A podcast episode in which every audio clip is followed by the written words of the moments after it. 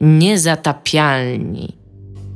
Witamy w podcaście Niezatapialni 299. Odcinek ma podtytuł Wonder, ponieważ e, jesteśmy teraz serią Mario. E, więc e, tak, jeszcze jak e, znamy Giereszkowo, to mnóstwo nas czeka tutaj przygód wspaniałych, jeżeli chodzi o tytulaturę naszego podcastu. Ja nazywam się Tomek Strągowski, a są tu ze mną również Iga Ewa Smoleńska, witam. Ło, Iga, jaka pełna energii. Witam. Wypoczęłam w weekend. Dominik, Bardzo. powiedz słuchaczom coś, czego o tobie nie wiedzą jeszcze. Zaskocz ich. Wow. Bądź jak Tommy Lee Jones ściganym. Od ponad roku nie byłem u fryzjera. I mam już bardzo długie włosy, dlatego że mi się To nie chce iść do fryzjera. Ale Nie jakie wiem. są piękne, Dominik. Pomyślałeś o tym? Nie wiem dlaczego nie, to jest, nie jest to, że ten pany zaczynają mnie wkurzać, ale po prostu jakoś tak sobie rosną i Wiecie, razy ja byłam w życiu u fryzjera? ile? Dwa. Pięć. Wow. No ja muszę w końcu iść, ale jakoś tam... Ja, e, Przepraszam, ja muszę y, psa tutaj. Bywam co półtora miesiąca u fryzjera i regularnie gole czaszkę na łyso. Za 25 zł u mojej pani fryzjerki. E, więc tak, tak, tak wyglądają nasze sprawy włosowe. E, będziemy dzisiaj rozmawiać e, o Mario, bo, bo jakby nie. E, I będziemy rozmawiać być może, jeżeli starczy czasu, o mm, Game Passach, bo też czemu nie. E, bo się dzieją takie rzeczy, ale zaczynamy od wielkiego, co jest grane, ponieważ jest grana, e, grany Starfield, albo z- znane też jako Star Whatever w kręgach Albo prawniczych. Starfail. Starfail. Bardzo, no. E, więc tak, oddaję wam głos. Iga i Dominik grają, e, nie wiem, które chce was chce zacząć. Które ma Myślę, że dłuższe włosy. ma... To jest bardzo trudno stwierdzić. Mm, Ja grałem w tę grę około 20 godzin na razie i mam z nią bardzo skomplikowaną relację. I To ja mogę powiedzieć, że ja grałam 6 i moja relacja jest bardzo nieskomplikowana. Ta gra z się. Ta gra z się penisy. Tak w każdym... Bethesda... z- Bethesda to jest ta firma, tutaj Czy to jest coś złego, że, że, że, że, Ona że bardzo źle się to robi. No to, to okej. Tam to jest okej. dużo zębów. To, co chcę powiedzieć, to jeżeli ktoś sobie z tego nie zdaje sprawy, Bethesda wyda między innymi Skyrima, wydała nowe Fallouty i być może ja się nie zgadzam z tym, jak oni wydają Fallouty i być może Skyrim nie był moją ulubioną grą, ale z jakiegoś powodu postanowili, że teraz już nie robią takich gier, które mają jakikolwiek fan w sobie. I zrobili Starfielda. To jest mój stosunek do tego, ale przepraszam Dominiku, chciałam tylko określić, że mój stosunek jest bardzo jednoznaczny. Mm, Okej, więc y, ja od początku może, bo to jest gra, z którą mój stosunek do niej jest skomplikowany, bo mój stosunek do niej się zmieniał w trakcie grania. Yy, Ona jest na początku bardzo, bardzo zła. Tak naprawdę wprost zła. I mm, na każdym poziomie, tak jak powiedziała Iga, to jest coś takiego, że grasz w tę grę, nie wiem, pierwsze 2-3 godziny i tam się nic nie klei. Tam ani fabuła nie ma sensu. Zawiązanie akcji jest y, nonsensowne. Do zawiązania akcji pokazuje, jak poddał się pisarz. Tak, Po trochę prostu tak. jest like, to jest moje wypowiedzenie i to jest to, co chcieliście, a teraz Jest, więcej się y, do mnie nie odzywajcie. Ja generalnie lubię w swoich grach. Ja trochę przed premierą tej gry dużo się pisało o tym, że ten początek jest słaby. Ja myślałem, bo gracze często mają taką, taką perspektywę, że że muszą być od razu, musi być od razu stawka, że jak tam, no wiele razy o tym mówiłem, że ja lubię jak tam te szczury zabijasz na początku, no więc myślałem, że te zarzuty co do zawiązania akcji wynikają z tego, że właśnie na początku są niskie stawki, ale tak wcale nie jest, bo tam zaczynasz jako jakiś górnik w kopalni i jesteś w tej kopalni, po czym nagle przylatuje typ i mówi ci, ej, masz tu statek kosmiczny, leć. Nie, nie, nie, jest, nie ty jesteś w kopalni, dotykasz kawałka żelastwa. No tak, no Teraz uwaga, spoiler, no tak, spoiler 15 pierwszych minut gry. Dotykasz kawałka, w ogóle nie, inaczej. Jesteś w kopalni, wszyscy chodzą bardzo, bardzo, bardzo, bardzo wolno, a ty nie możesz iść szybciej od nich, bo oni się zatrzymują, na ciebie czekają, żebyś do nich z powrotem przyszedł. Dotykasz kawałka żelastwa, dzieje się coś, po czym przylatuje ziomek i mówi do ciebie tak. Skoro tego dotknąłeś, to musisz polecieć ze mną. Po czym pani szefowa mówi, on nie może polecieć z tobą, bo on dla mnie pracuje. A ten ziomek tak myśli i mówi, to ja zostanę za niego na zawsze w tej kopalni, a tutaj masz kluczyki do mojego tam statku, mam nadzieję, że potrafisz latać. I ty mówisz do niego, serio? A on mówi, totalnie tak, to jest zawiązanie akcji. Leć. Tak, I tak. potem jest Starfield. Mm, I no i zarówno to zawiązanie akcji, jak i e, pierwsze lokacje, pierwsze, to oni strasznie hypowali to New Atlantis. To miasto jest bardzo kiepskie. E, ani nie czuć jego skali. Oni twierdzili, że to jest największe miasto, jakie zrobili w historii. W ogóle tego nie czuć. Być może dlatego, że to jest takie futurystyczne miasto, w którym jest bardzo mało jakiejś takiej otwartej przestrzeni, więc nie czuć jakiejś takiej eksploracji tego miasta, plus ono jest poszatkowane, o tym w ogóle będziemy dużo mówić, e, loading screenami, które nie są konieczne, bo można po nim chodzić bez korzystania tam z fast travelu, bez takiego metra, które jest w nim. E, Swoją drogą, tam jak jest to metro, nie? To jest taka animacja, że ludzik wchodzi do tego metra i to metro jedzie, które tam blokuje Tak. kawałek, lo, lo, blokuje kawałek loading screena. I jak już masz towarzysza, to autentycznie za każdym razem, za każdym razem jak wsiadam do tego metra, jest scenka jak mój bohater wsiada, y, to metro rusza, a mój towarzysz podbiega do tego metra i to metro mu sprzed ryja ucieka, tak, nie? to za każdym razem właśnie tak. Oni się tak zatrzymują, tak, tak chwilę przed tym metrem, zanim ono, bo tam chyba jest po prostu pauz na animację i to oni są tacy, widać, że a, znowu. tak, tak, I ten dyla, dyla następnym pociągiem albo, albo biegnie. Idzie, idzie na piechotę, to 130 metrów przecież. Tak. Yy, I. I pomijając nawet takie, mówię, że to miasto jest nudne, że, że, znaczy, że to miasto jest, no, i, i to związanie akcji, to właśnie to, co najbardziej mnie bolało i boli cały czas tak naprawdę w tej grze, ona jest fundamentalnie i no, nie chcę, ja, ja nie mam takiego negatywnego odbioru jak Iga, więc nie chcę zabrzmieć, że jestem jakiś super anty ta gra, Mm, ale ona jest nudna. tak, Ona ma okropne questy. To jest, to jest ma, ma problem. słabe, w ogóle pierwsze questy, one cię robią lepsze, ale ja, te, te, ja tego nie kumam. Dlaczego twórcy gier w roku pańskim 2023 czują jakąś taką ogromną potrzebę, szczególnie, że to nie jest pierwsza gra Bethesdy, to jest kolejna ich gra, która jest identyczna jak ich poprzednie gry, jeżeli chodzi o design. Mm, o tym też za chwilę. Ale czują potrzebę traktowania swoich odbiorców jak, nie wiem, trzyletnie dzieci. I, I muszą ci tłumaczyć, jak działają questy, rzucają ci takie questliny i te pierwsze questliny to są takie, że pójdź do czterech miejsc i zabierz jakieś gówno z drzewa. Tam jest jakiś taki czujnik, jakiś typ umieszczył jakieś Ale to- czujniki na drzewach. Tak. I to, to jest w ogóle też quest, bo ta gra oprócz tego, co... Chcę... Przepraszam, Dominik.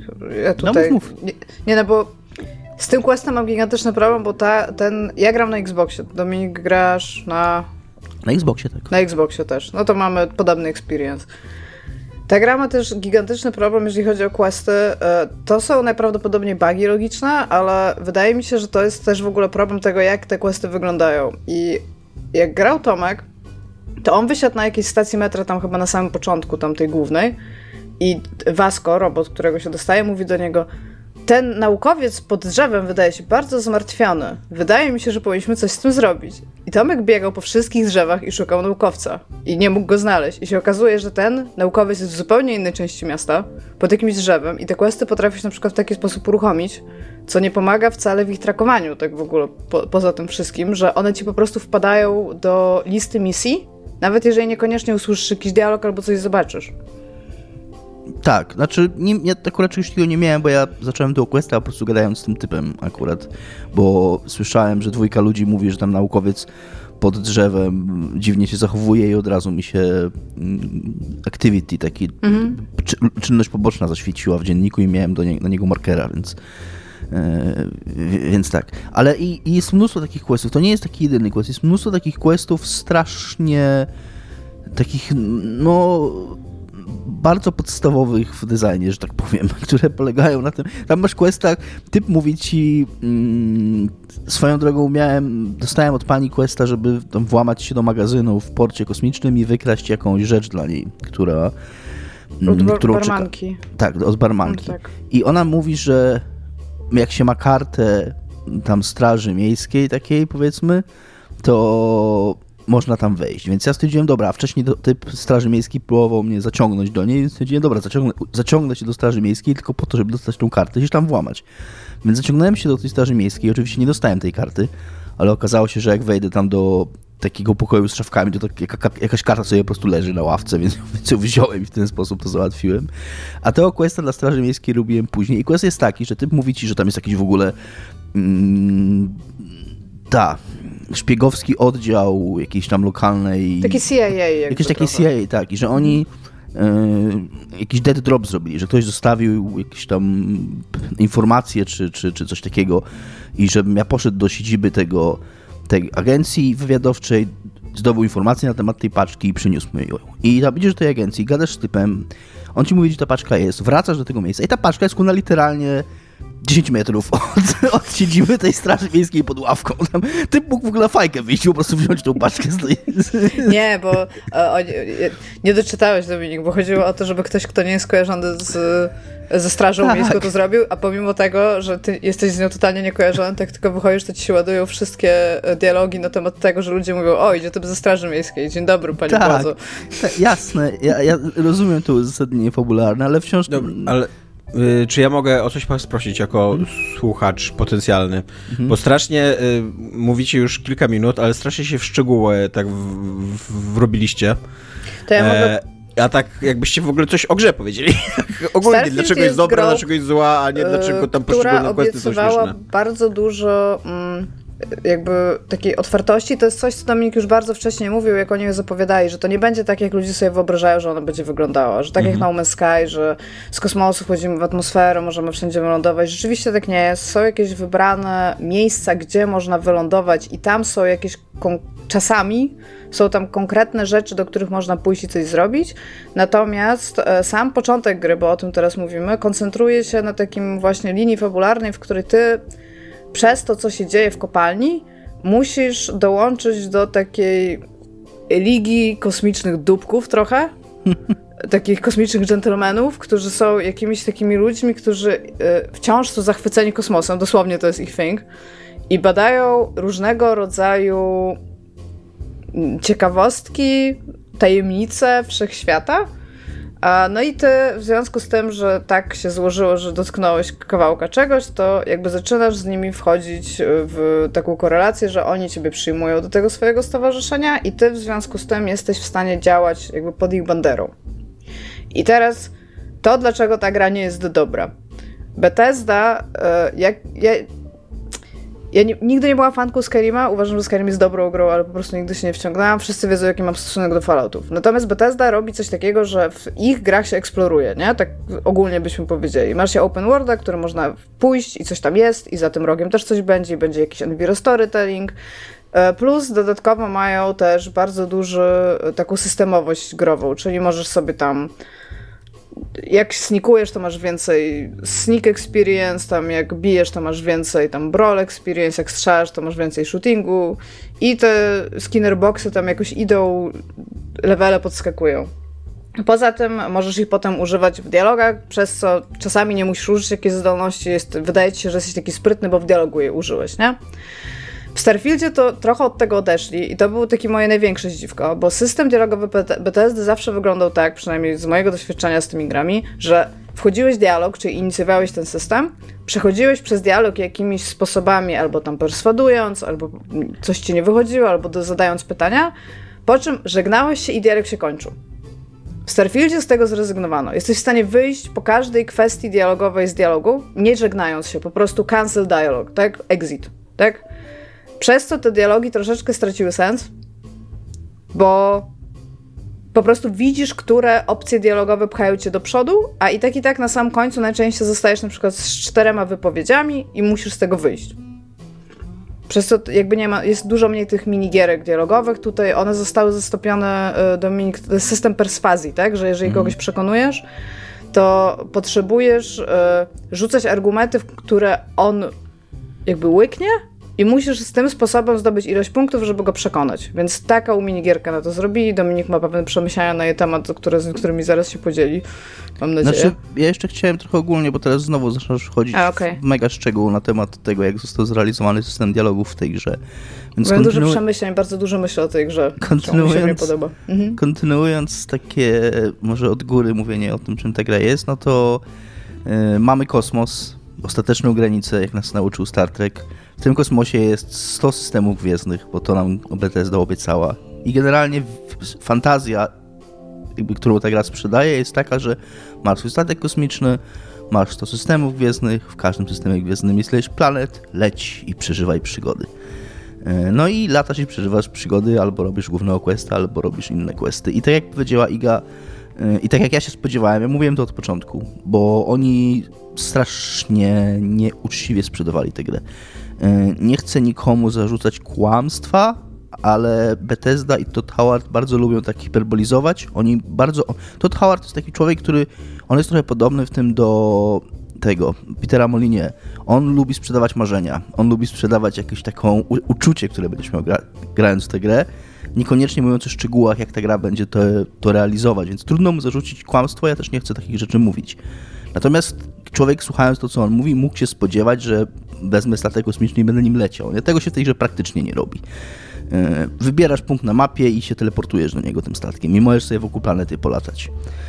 E, Teoretycznie wynika to ze skali gry, e, co jakby jest fajne, że oni zrobili ten wszechświat we właściwej skali. Alana Pierce, taka youtuberka i była dziennikarka i teraz Santa Monica ona pracuje, doleciała do Plutona lecąc 7 godzin, więc realnie ta przestrzeń istnieje.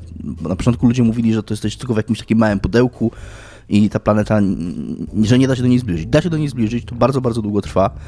Planeta jest sferą, która jest pusta w środku. Jak się do niej za bardzo zbliżysz, to wlecisz do niej i będziesz w tej sferze. I to też zajmuje dużo czasu, żeby z niej wylecieć. No, później. teoria pustej ziemi jest znana od XIX wieku, więc tak, tak, no, to się Jest zgadza. tam, dużo, jest tam dużo takiej fajnej symulacji, że ten wszechświat, mm, że te planety faktycznie mają orbity, że jak wylądujesz gdzieś, to możesz widzieć na, na Księżycu, miałem taką scenkę, że mi mm, ten gasowy gigant w, w, zachodził za horyzontem. I ja go goniłem, na, żeby wejść na górę, żeby go zobaczyć w pełnej okazałości, więc jest tam, ten kosmos, on tam jakoś tam jest, być może nie do końca tak, tylko że w nim się nic nie dzieje. I to, co mnie najbardziej uderzyło w tych pierwszych godzinach, ja się spodziewałem, że to będzie po prostu kolejna gra Bethesdy, ale nie spodziewałem się, że jak bardzo to będzie kolejna be gra Bethesdy. Przy tych, po tych wszystkich takich wizjach tego, że to będzie coś zupełnie nowego, że to będzie kosmos właśnie, że to będzie jakieś nowe przeżycie, że to będzie jakiś taki, jakieś takie pokoleniowe doświadczenie eksplorowania kosmosu w grze, którą nikt nie zrobił wcześniej, to jest basically, za przeproszeniem, Fallout 4 w kosmosie tylko i wyłącznie tyle, może aż tyle, to nie jest nic więcej. Yy, Masz, wszystko, to jest to, gra wygląda jak gra Bethesdy, my się gra jak gra Bethesdy, z tą różnicą, że tak jak powiedziała Iga, że nie masz jednej wielkiej mapy, po której chodzisz, tylko wybierasz sobie jakiś tam punkt mm, konkretne zainteresowania, spawnujesz się w tej lokacji i albo z kimś gadasz, albo robisz jakiegoś questa, albo strzelasz do jakichś ludzików. I to jest w zasadzie taki A ja- 90, 95% tej gry. Ja mam pytanie o to, bo właśnie jak słucham o tej, y, o tej grze, to dużo osób ma opinię na temat fast travela i tego, że nie czujesz tam tego, tych przestrzeni i kosmosu, i, co jest dosyć ważne w grze o kosmosie, o kosmosie co nie, żeby Każda gra jest czuć w kosmosie, dziękuję. przestrzeń i, i, i czas, co nie? Eee, myślę, że to jest bardzo słaby dowcip na ten odcinek, Iga, bo Ale ja musiałam to powiedzieć, bo już miałam to tak skaszowane z tyłu Eee, głowy. czy uważacie realnie, że ta gra byłaby lepsza, gdyby nie miała fast travela? Gdyby trzeba było latać na te wszystkie planety, Nie. zajmowało ci dużo czasu i tak dalej? Właśnie teraz być może teraz przejdę trochę do równoważenia tych wszystkich negatywów, bo Tylko ja, czy ja mogła No się w jednej rzeczy nie zgodzić? Moim zdaniem przez właśnie liczne loading screeny, to w jaki sposób ta gra jest poszatkowała, to ja bym nawet powiedziała, że to jest Fallout 3 w kosmosie, a nie Fallout 4. Okej, okej, być może. Znaczy, Fallout 3 jasne. był w kosmosie. Tak, rzeczywiście. E, Ale tak jak powiedziała Iga, nie byłaby lepsza, absolutnie, ja się zgadzam z tym. Ja grałem w, grałem w Elite Dangerous, tam z, nie wiem, z 10 godzin. To jest gra, w której się po prostu lata po kosmosie. I wydaje mi się, że ludzie trochę nie zdają sobie sprawy z tego, jak ta gra byłaby nudna, bo oni się spodziewają, że. I tak naprawdę ten zarzut nie polega na tym, że nie, że te, że nie lecisz faktycznie, tylko ludzie by chcieli, żebyś leciał faktycznie i żeby w trakcie tego lecenia powiedzmy jak masz, jedziesz 20 minut, w Elite Dangerous tak jest, na przykład 20 minut musisz czekać, aż dolecisz do jakiejś planety, że w trakcie tych 20 minut coś się będzie działo. Będziesz miał jakiś, spotkasz jakiegoś pirata, będziesz miał jakiegoś, jakiś quest, odkryjesz, odkryjesz jakiś ciekawy punkt zainteresowania. Jakby kosmos tak nie działa. Nawet, że lecisz, że, że coś znajdujesz w nim, nie? Ale mogliby zrobić taką sztuczkę tego um, Outer, Wilds, nie? Żeby zrobić ten, tą galaktykę bardzo małą, jakby żeby te... Ale oni tego nie Żeby, chcieli. Oni żeby były odczuwalne te przestrzenie, ale nie były aż tak absurdalne, jak są w prawdziwej Oni ewidentnie pustce, chcieli, nie? żeby to było, żeby ta skala była odczuwalna. Aha. Jakby, I to się. W każdym razie nie byłaby lepsza, ale uważam, że można by to zrobić bardziej elegancko niż to jest zrobione, bo faktycznie takie wrażenie, że wchodzisz do menu, wychodzisz z menu, wchodzisz do menu, wychodzisz z menu, yy, klikasz gdzieś, czekasz na loading screena, masz takie straszne, takiego, tak się tak bierze do rozgrywki i z niej wyrywa, bierze i wyrywa, bierze i wyrywa, aż w końcu gdzieś jesteś i jest. zaczynasz coś robić, nie? I tak, ona tak się szarpiesz z nią. Mm, uważam, że można by to zrobić bardziej elegancko. Da się nie wchodząc na mapę, patrząc na waypointa z kabiny statku odpalić tam tego fast travela i powinno być więcej takich elementów, więcej jakichś loading screenów maskujących to, jakiegoś sprytnego takiego zagrania, żebym nie miał takiego wrażenia, jakiś taki komputer pokładowy, na którym mógłbym wybierać następny punkt docelowy, żebym nie musiał otwierać menu, naciskając start i, i wchodzić po menusach, no za każdym razem, jak chcę coś zrobić w tej grze.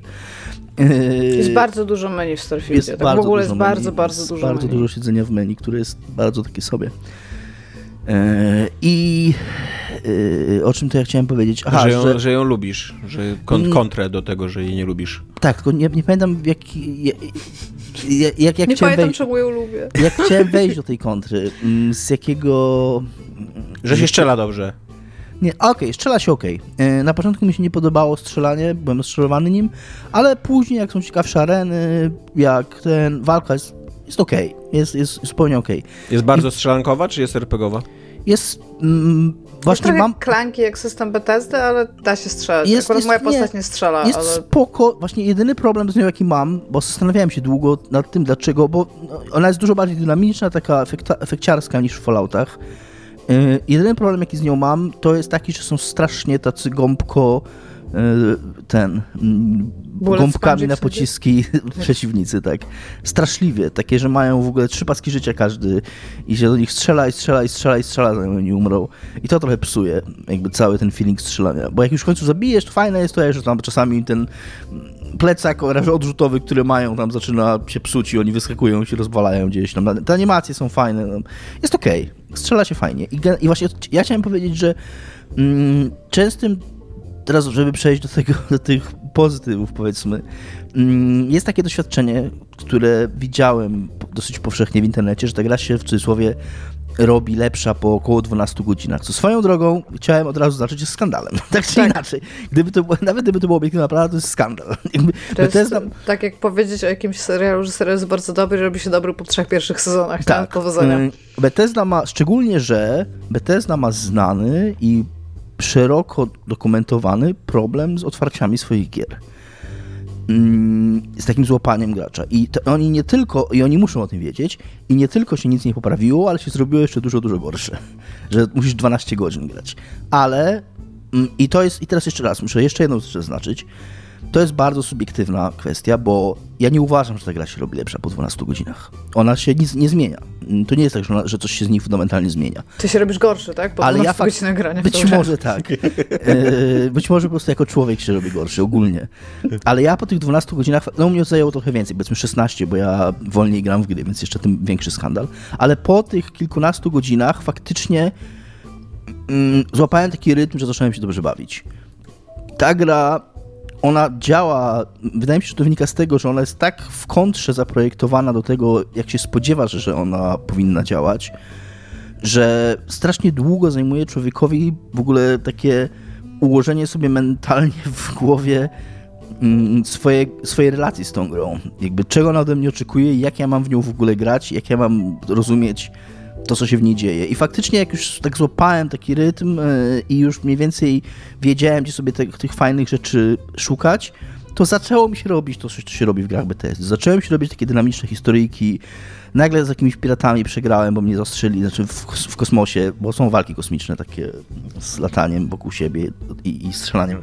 Jacyś piraci mnie zabili, więc gdzieś gdzieś tam się zaciągnąłem, żeby trochę kasy zdobyć, zacząłem sobie swój statek, statek budować. Budowanie statku jest super, to muszę od razu powiedzieć. Jest to super fajny system, jest mega dużo frajdy z tym, szczególnie, że układasz z tych klocków ten statek i tam on ma jakieś takie elementy też jakby wewnętrzne, w sensie nie tylko silniki i ten, ale też, no powiedzmy, nie wiem, jakieś kwatery załogi, jakiś tam, nie wiem, jakiś engineering bay i tak dalej, i tak dalej.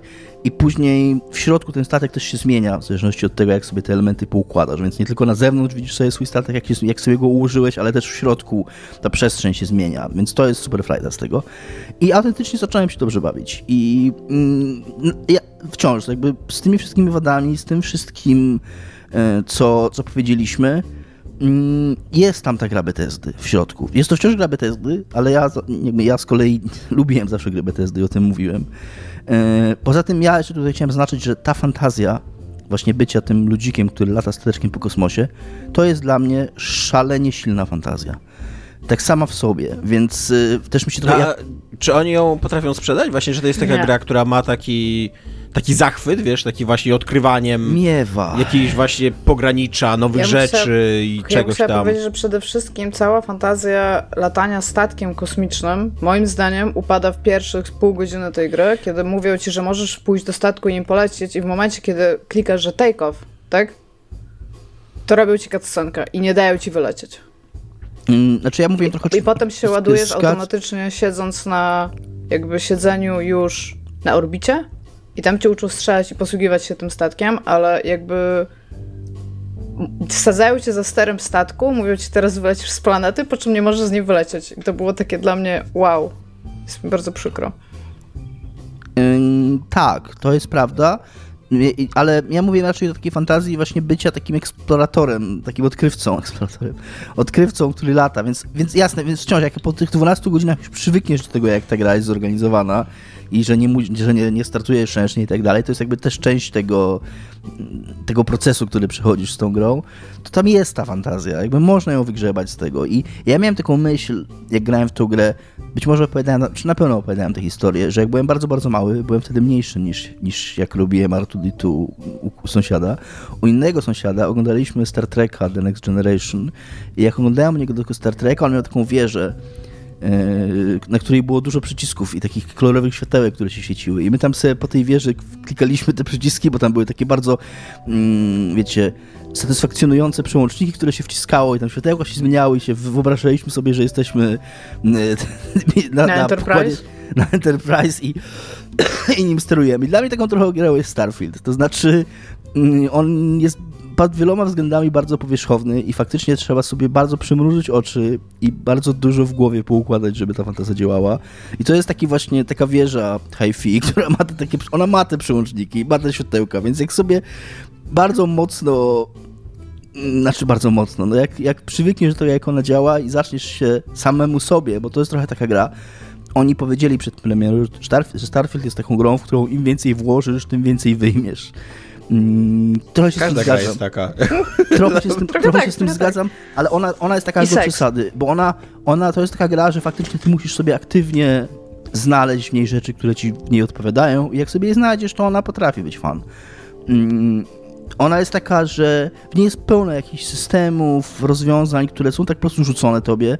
Ona jest w tym, trochę w tym designie podobna do Dark Soulsów, z tym, że Dark Soulsy, one są bardzo świadomie tak zaprojektowane. Ty masz się czuć zagubiony w tej grze i to, że jej interfejs, to, że jej obsługa jest taka trochę, wiesz, szarpiesz się z nią, to jest część całego doświadczenia twojego z tą grą i ono się wpisuje w to, o czym ta gra jest.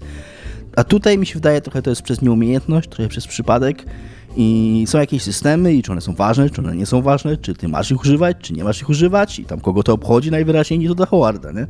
E, więc e, trochę tak musisz sobie no, pogrzebać w tej grze i, i, i ja się zacząłem dobrze bawić. I jest tam sporo fajnych rzeczy, tylko no, to jest taka gra, w którą trzeba od siebie bardzo dużo dać i, i ja nie jestem w stanie nikomu polecić tej gry, bo ja nie jestem w stanie, właśnie to Właśnie jest... bym chciała powiedzieć, jakby, jakby ja ci wierzę, Dominik. Ja nawet sądzę, że istnieje cień szansy, że ja może przetrwam te 12-16 godzin, żeby zobaczyć, co tam jest dalej. Ale te pierwsze 6 godzin to jest po prostu tak, to jest smutne jak dupa. To jest prawda. I, I tylko właśnie chciałem powiedzieć, że ja nie chcę nikomu obiecać. Nie chcę nikomu obiecać, że. Nie, nie chcę nikomu mówić, grajcie 12 godzin, bo będzie lepsze. Yy, bo to jest bardzo jednostkowe moje doświadczenie. I to jest doświadczenie, które widziałem powtarzane u wielu ludzi, więc to jest jednostkowe doświadczenie wielu ludzi. Ale ono nie jest, i podkreślę, chcę to bardzo mocno podkreślić, ono nie jest związane z niczym konkretnym, co się dzieje w tej grze. To nie jest Ja- tak, że, że po tych 12 czy 16 godzinach tam się jakiś nowy system otwiera, tam się jakieś nowe możliwości otwierają. To w ogóle nie o to chodzi. Chodzi o to, że... Ale są na przykład, nie wiem, zaczynają być ciekawsze questy, Tak, questy- strzelaniny i tak dalej, dialogi Tak. lepsze, Po- jakieś nie, dialogi postacie nie. Dialogi nie. Dialogi są fatalne. Dialogi Tomek, są fatalne, fatalne. są naprawdę, naprawdę złe. I to, co Iga, to, co Iga sygnalizowała, tam jest taki system przekonywania, który działa tak, że zamiast jakiejś minigierki, jakieś tam ustawianie czegoś, jak była w Oblivionie na przykład, czy tam była jakaś coś tam, coś tam, masz autentycznie mm, kwestie dialogowe i każda kwestia dialogowa jest oznaczona poziomem trudności. Są zielone, żółte i czerwone, więc im większy poziom trudności, tym no, tylu- Więcej punktów też dostajesz tak, większa szansa na to, że, że nie uda ci się tego kogoś przekonać, ale więcej punktów przekonywania dostajesz. I masz na dole taki powiedzmy, musisz sześć zdobyć tych punktów, żeby kogoś przekonać, nie? I masz na to trzy, I masz trzy tury, nie? trzy jakby dialogi na to, więc albo od razu strzelasz tą najtrudniejszą, albo próbujesz kilkoma mniejszymi to zrobić. To w teorii brzmi fajnie i tylko, że ktoś tam zupełnie się poddał, jeżeli chodzi o pisanie tych, Masakra tych, tam, no. tych linii, które, ty- tych kwestii, które mają kogoś przekonać. Ja autentycznie mówiłem o tym. Miałem kwestię, w której musiałem z questa, w którym musiałem przekonać strażnika, który pilnował wieży, żeby opuścił swój posterunek, żeby jakaś tam babka mogła się włamać do tej, do tej wieży. I autentycznie moja kwestia delegowana przekonywanie to było, panie strażniku, czy mógłby pan sobie stąd pójść? Bo bardzo, bardzo proszę, nie mogę powiedzieć czemu, ale to jest dla mnie bardzo ważne. I to, to było autentycznie, to było autentycznie ktoś wymyślił taki dialog na, na przekonanie. No to sorry, ale jeżeli to jest taki dialog, to równie dobrze to mogłaby być jakaś abstrakcyjna minigierka. E, Albo emotka, nie? Tak, że po prostu ten, bo, bo no to nie ma żadnego sensu. Ja bym I- chciała powiedzieć, aha, przepraszam, Nie, no, że, e, że w tylko sensie, jeszcze- że, no, że, że Dominik, proszę. żeby, żeby skończyć ten wątek. I tak samo mam problem z wszystkimi postaciami. Wszyscy, wszyscy bohaterowie niezależni, to twoja drużyna, która się formuje, oni są wszyscy strasznie na jedno kopyto. Nie mają żadnych takich, żadnej charyzmy, żadnych osobowości, yy, żadnego takiej, żadnej takiej iskry. To są wszystko takiego na ciepłe kluchy. Jedna klucha bardziej rozmiękła od drugiej kluchy. Mm, Ja bardzo lubię generalnie w grach takie po prostu po prostu dobre postacie. Bo uważam, Kompanionów lubisz. ale nie, ale chcę powiedzieć, że ja lubię, lubię jak, jak postacie są dobre. Nie, właśnie mnie- drażni takie ed- edgelordowanie, które często jest w grach, że każdy musi być super takim, wiesz, bad boyem i tak dalej. Więc generalnie, fundamentalnie nie mam problemu z tym podejściem, tylko że można napisać po prostu dobrą postać, żeby ona była ciekawa, a, to, a te one, one są straszliwie nudne i, i takie po prostu strasznie po powierzchni, żadnego charakteru, żadnego, żadnej osobowości. Ja bym chciała ci jeszcze Tomek powiedzieć jedną rzecz, o którą się zapytałeś i nawet nie wiesz, że jej potrzebowałeś, ale No. Bethesda zmieniła lockpicking game. Właśnie słyszałem, że jest dobry lockpicking game, że w A końcu, jeżeli- w końcu jest fajny... zmieniła lockpicking game. Jeżeli jest jedna rzecz... Podobało mi się ten, ten otwieranie tych zamków? Jest inny. Jeżeli jest jedna rzecz w tej grze, która uważam, że jest y, bez dwóch zdań dobra, tak autentycznie, y, o której mogę powiedzieć tak bez żadnych, y, wiecie, zastrzeżeń, że jest dobra, to jest ta minigierka w lockpickowanie. Jest bardzo cool. Jest prosta, ale jest pomysłowa, jest fajna. Zawsze mam frajdę z tego otwierania zamków, więc... Jest, tak, jest, jest to przy okazji właśnie coś nowego, szczególnie, że no Bethesda wymyśliła lockpickowanie w grach, te, które się tak długo utrzymało, a teraz to zmienili, więc to było takie, o, co, co, coś nowego, Więc jakby. jakby, nie żeby muszę zakończyć, kręcić. Tak, żeby zakończyć taką pozytywną, pozytywną nutą, to, to abs- absolutnie jest to bardzo fajne, bardzo fajna minigierka w otwieranie zamków. A sama gra, ja Bo ja się, właśnie chciała jeszcze jedną rzecz powiedzieć. Dominik, bo mi się wydaje, że to nie wybrzmiało, a to jest coś, co ty napisałeś. Bo czy ty się ze mną zgodzisz, że nawet po tych tam x godzinach, o których mówisz, że ta gra się otwiera, to wciąż nie jest gra 9 na 10? Nie, nie, nie, nie, nie. Y, Właśnie ja nie. Cieszę się, że nie muszę jej oceniać, bo ona mi się potrafi podobać, ale IGN napisał tą recenzję 7 na 10, która była tak żywo dyskutowana i takim dużym zaskoczeniem dla graczy. Gdyby mi ktoś przyłożył teraz pistolet do głowy, i, ale nikt mi tego nie robi, to bym. To ja już mam tą grę na swojej liście, w swoim mentalnym notatniku, że ona będzie moim kandydatem do 7 na 10 roku, jeżeli mi się będzie dalej podobać, bo to nie jest lepsza gra niż 7 na 10. Ona ma za dużo problemów. yy, Jest pod wieloma względami jest po prostu spieprzona. Interfejs jest, jakby Bethesda w ogóle nie umie zrobić UI dobrego.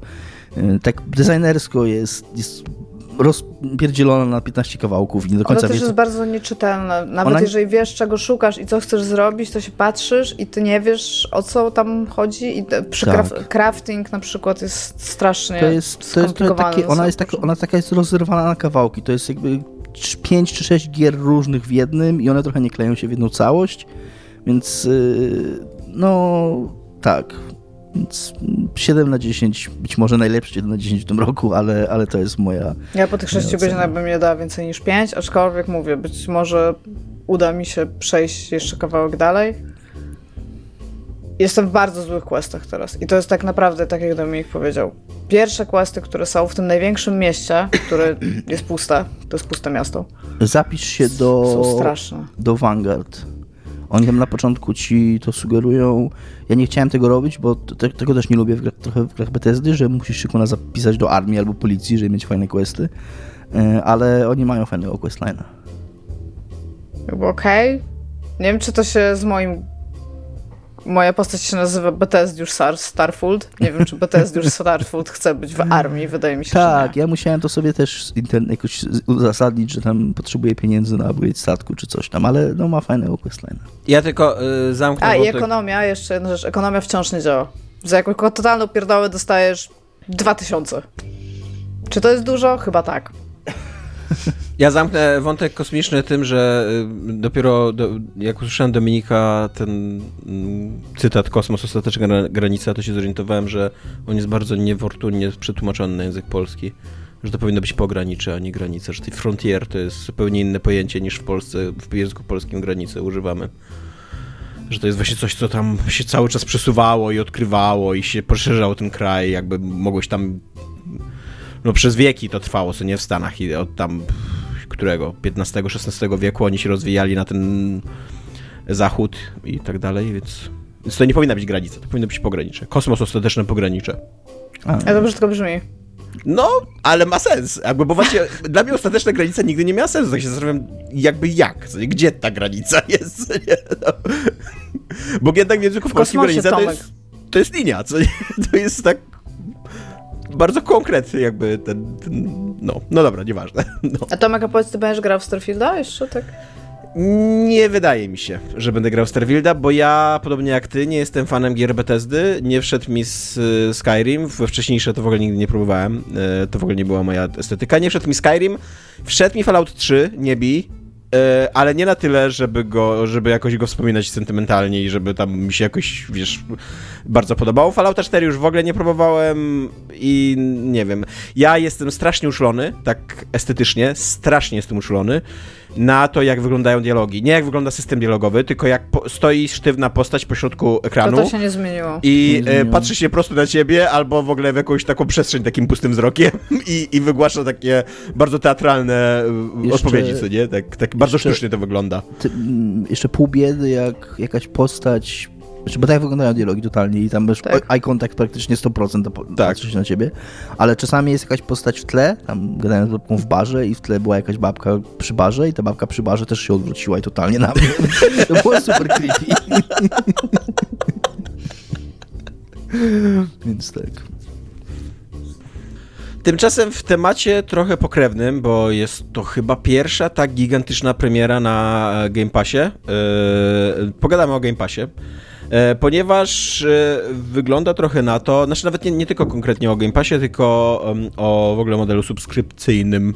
Trudne słowo, które pewnie ze trzy razy skaleczymy w trakcie tego teraz gadania na ten temat.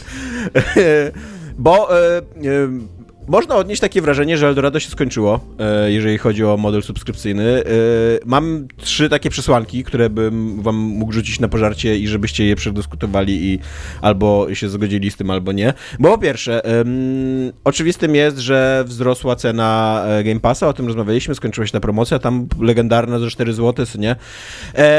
To jeszcze było spoko, bo ta scena Game Passa nie wzrosła jakoś gwałtownie. Wiadomo było, że ta promocja taka 4 złotowa to jest na rozgrzewkę tego systemu i że ona się wcześniej czy później skończy, skończy. Ale teraz, pod koniec sierpnia, wzrosła scena mm, PlayStation, e, Game Passa PlayStation, czyli że plusa. I ona wzrosła dosyć gwałtownie. Jakby jest to, jest to dosyć szokujące, co tam się wydarzyło, bo Essential wzrósł o 20 dolarów, e, ekstra... 40 i 40 potem. Słucham? Ale to są ceny za rok, nie? Tak, tak, tak. Tak, tak, y, tak. Mówię za rok, tak. E, e, Essential wzrósł o 20 dolarów i później. E, nie, nie, nie 40. E, jest 35 dolarów za ekstra i 40 dolarów za premium. Okej. Więc, więc jest to no bardzo, bardzo duża podwyżka, nie? E, tak... E, mm, No w skali w ogóle całej ceny. ceny tak, no. i to, to w ogóle jakby też nie, nie, jest, nie jest tania usługa, tak mi się wydaje. E, i, a do tego jeszcze em, trafiłem ostatnio na Game Industry Biz e, na taki artykuł, w którym e, autor opisuje sytuację w Devolverze i w, e, w Tiny Build. E, Devolvera to wszyscy kojarzycie, Tiny Build to jest taki nie wiem czy małe, no niezależny, indie, cały czas, cały czas indie wydawca, ale no nie jest, nie jest to mała, mała firma, co nie? E, która przede wszystkim jest znana z mm, tego Hello, Neighbor coś. Neighbor? O, właśnie, Hello Neighbor, tak.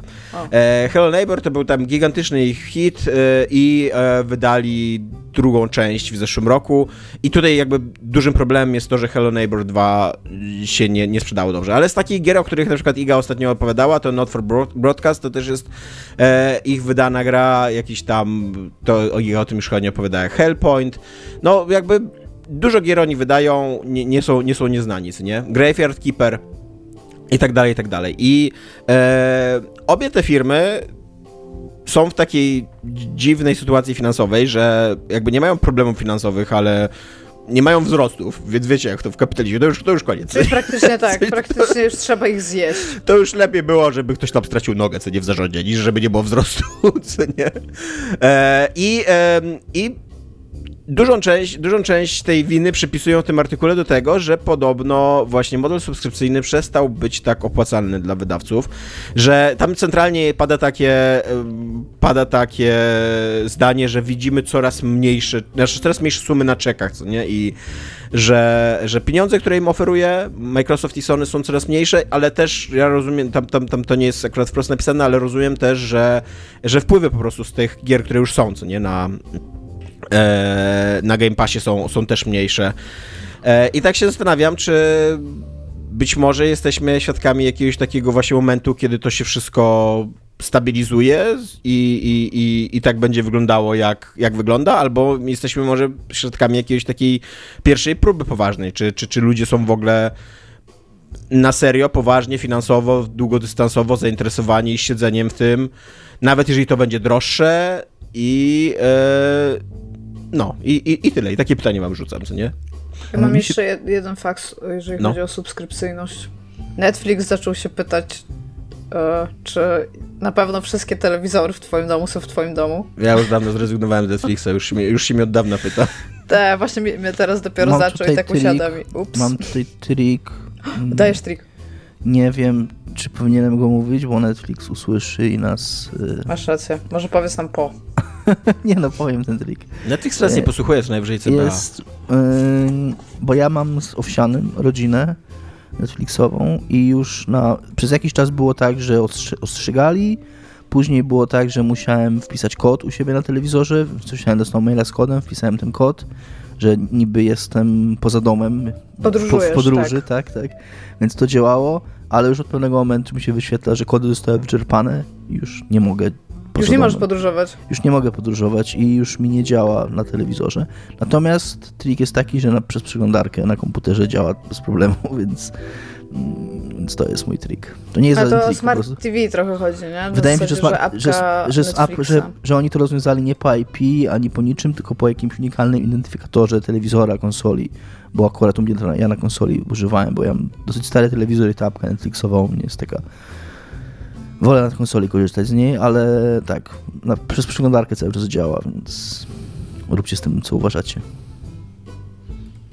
Okej, Aha, a, a co do- a co w do temacie? A co do meritum, e, tak, chciałem powiedzieć, że też e, tutaj dużym, dużym wydaje mi się takim testem opłacalności całego interesu będzie Starfield, bo to jest gra, w którą, która bardzo dużo kosztowała, mm, o której, na której praktycznie nie tylko, ona, ona kosztowała Microsoft 7 miliardów dolarów, gra, no. bo oni praktycznie z powodu tej gry to wprost powiedzieli podczas tego procesu.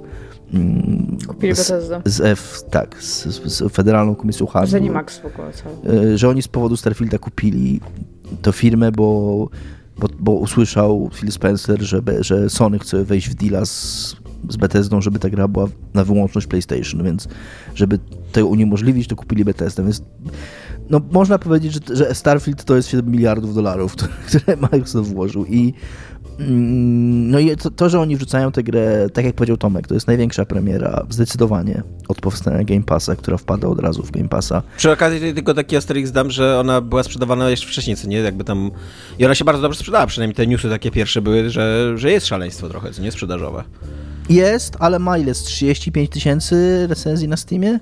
Więc no jak na taką wielką premierę, no to, to, są, to są trochę fistaszki, nie? I, i, no i to tylko Microsoft. Jakim ta liczba subskrypcji wzrośnie po Starfieldzie, na ile ci ludzie, bo to też jest takie zawsze pytanie. Ja, ja przypuszczam, że nie znają takiej liczby. Ile z takich ludzi, którzy zaczynają subskrypcję, później faktycznie w niej zostają, tak? Bo to, że ktoś kupi za 50 zł na miesiąc, przejdzie Starfielda i zrezygnuje, to im się w ogóle nie kalkuluje. Nie? Oni liczą, że ten ktoś zostanie na rok z tym Game Passem, na dwa lata albo i na zawsze. Nie? Więc, yy, więc to będzie też, przypuszczam, ważne, czy, czy to się utrzymuje. A z punktu widzenia innych deweloperów, no to wiesz, no nie mam żadnych informacji takich poza tym, co, co, ty, co ty przedstawiłeś, jak to wygląda z ich strony. Tutaj wydaje mi się, że to pewnie zależy, no, bo mówiło się też o tym, może, może tak powiem, o, jeżeli, żeby, żeby, tam sobie nie wróżyć z fusów. E, dużo się mówiło o tym, że Game Pass wbrew pozorom nie przekłada się negatywnie na sprzedaż gry, że zdarzają się przypadki, że, że właśnie gra, która jest w Game Passie, że to jest trochę promocja dla gry i że ona się później sprzedaje mhm. nawet lepiej. Mm, więc być może ten efekt jakoś przestaje działać z jakiegoś powodu i, i też stąd wynikają te, wynika to rozczarowanie ludzi z, ja się też zastanawiam, e, bo to, ty powiedziałeś Tomek coś takiego, że y, poza oczywiście tym takim y, pierwszą wypłatą, którą Microsoft daje w momencie, kiedy jakby przyjmuje twoją grę na Game Passa, bo wtedy pewnie jako deweloper dostajesz jakieś większe pieniądze, to że jeżeli ta gra będzie wciąż w Game Passie, bo tam pewnie ileś czasu może w nim być, też dostajesz znowu jakieś pieniądze, do mnie mam, że mniejsze, nie? Więc być może też będzie trochę tak, że te pieniądze dla deweloperów na przykład skończą się tylko i wyłącznie na dostaniu się tej gry, a być może potem właśnie już nie będziesz dostawał tych, bo to też jakby interesuje mnie, jak są stworzone te deale, bo też pewnie będą inne kontrakty podpisywane z grami, które Microsoft chce mieć w Game Passie, czyli oni sami na przykład do ciebie wyciągają rękę, a zupełnie inne z takich, gdzie ty się zgłaszasz. Tak. Mm, Will Spencer odpowiadał kiedyś na to pytanie, i te deale są różne, mówiąc w skrócie. To różne, ludzie, różne firmy różnie mają. No. Różne firmy różnie mają, że albo jest za po prostu jedna wypłata, albo jest w zależności od liczby ściągnięć, albo w zależności od liczby godzin przegranych.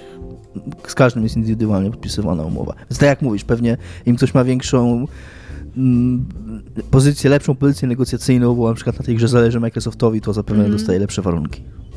Tak, jest mi, jest mi przykro, bo to jest zawsze fajne, że kiedy wyszedł Game Pass i tam się zaczęły pojawiać te mniejsze gry, tak, i to było takie super interesujące, że teraz możesz sobie pograć w gry na Steam, na Xboxie, to było super, to, to była zawsze taka szansa dla mniejszych deweloperów, że dobra, jakby są takie, są takie gry, że widzisz, że to jest taki Game Pass material, że, że po prostu widzisz tę grę i jesteś tak, ta gra powinna wejść na Game Passa, tak, day one i będzie super wtedy. Jest A, Myślę jest też, przykład, że taki kierunek się też stworzył designerski, no. Jest przykład dosłownie z ostatnich tygodni. E, gra Sea of Stars, o której opowiadałem w zeszłym odcinku. E, ma premierę w Game zarówno w Game Passie, jak i w PlayStation Plusie, więc w ogóle poszli po całości i chwalili się ostatnio, że sprzedała ponad 100 tysięcy egzemplarzy na premierę, co jak dla takiej małej giereczki to jest bardzo dużo. To jest bardzo dużo i byli bardzo happy z tego, więc to pokazuje też, że czasem e, właśnie, że ten Game Pass wcale nie przeszkadza, także gra się ciągle może dobrze sprzedać, jeżeli jest szczególnie właśnie jakimś mniejszym projektem i te 100 tysięcy to jest dla nich tam super, ne?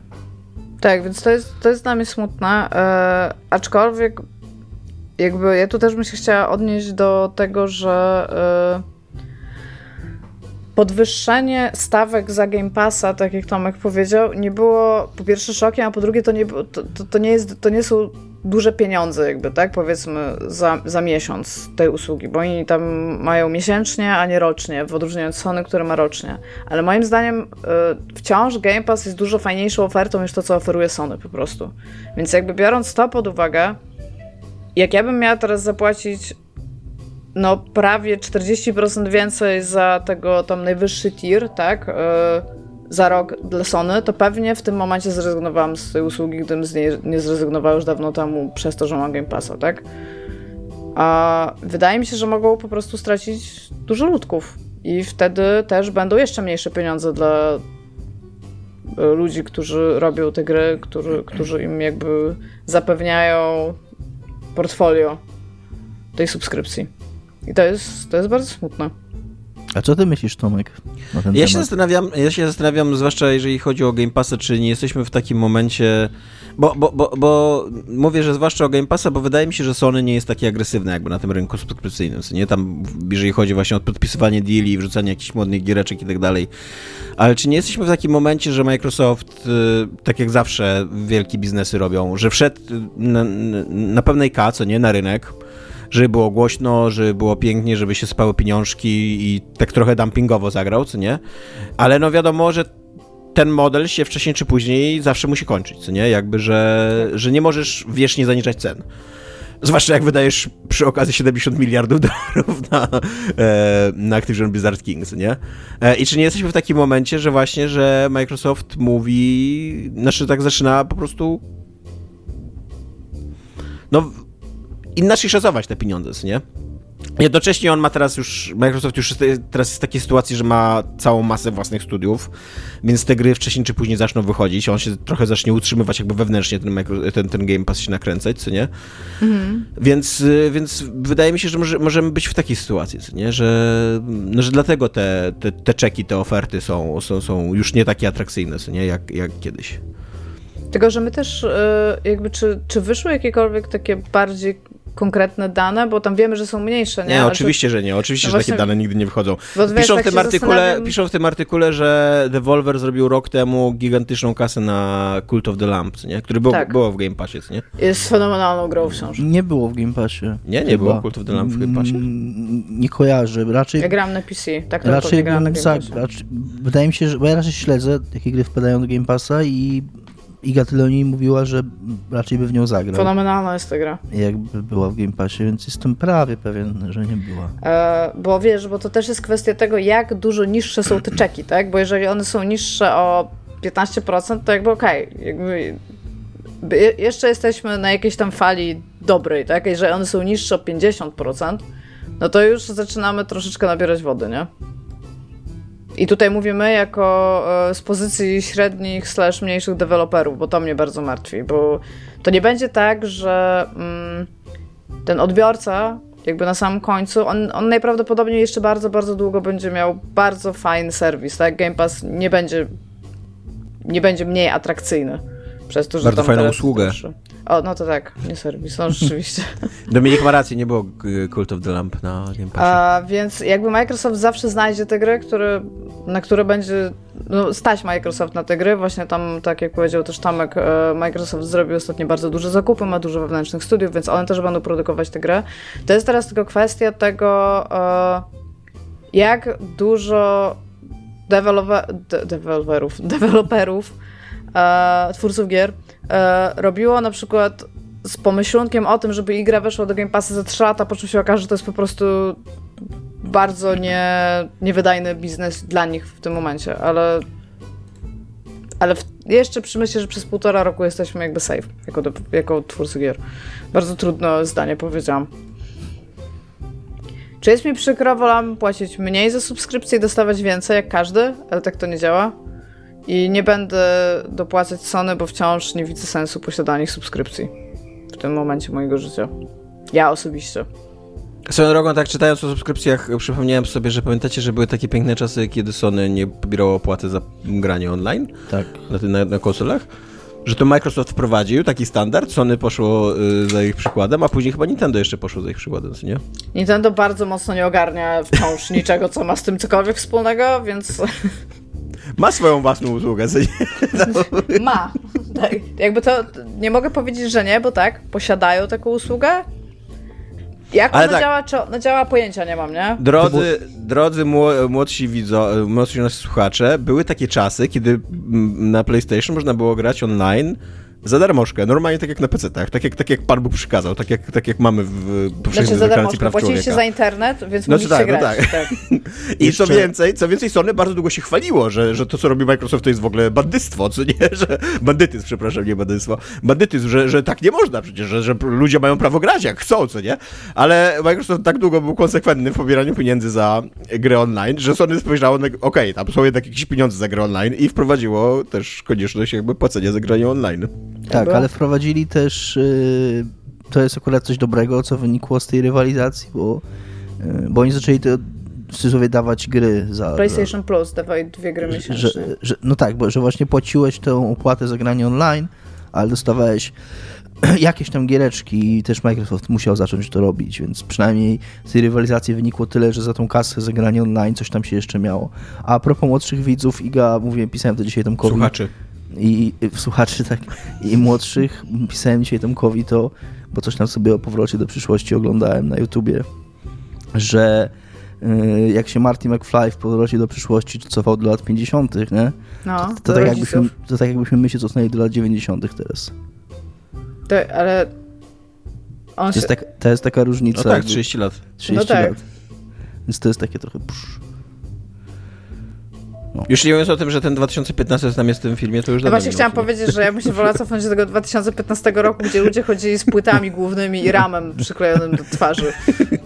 Taka była moda wtedy, pamiętam. Iga, co jest grane u ciebie?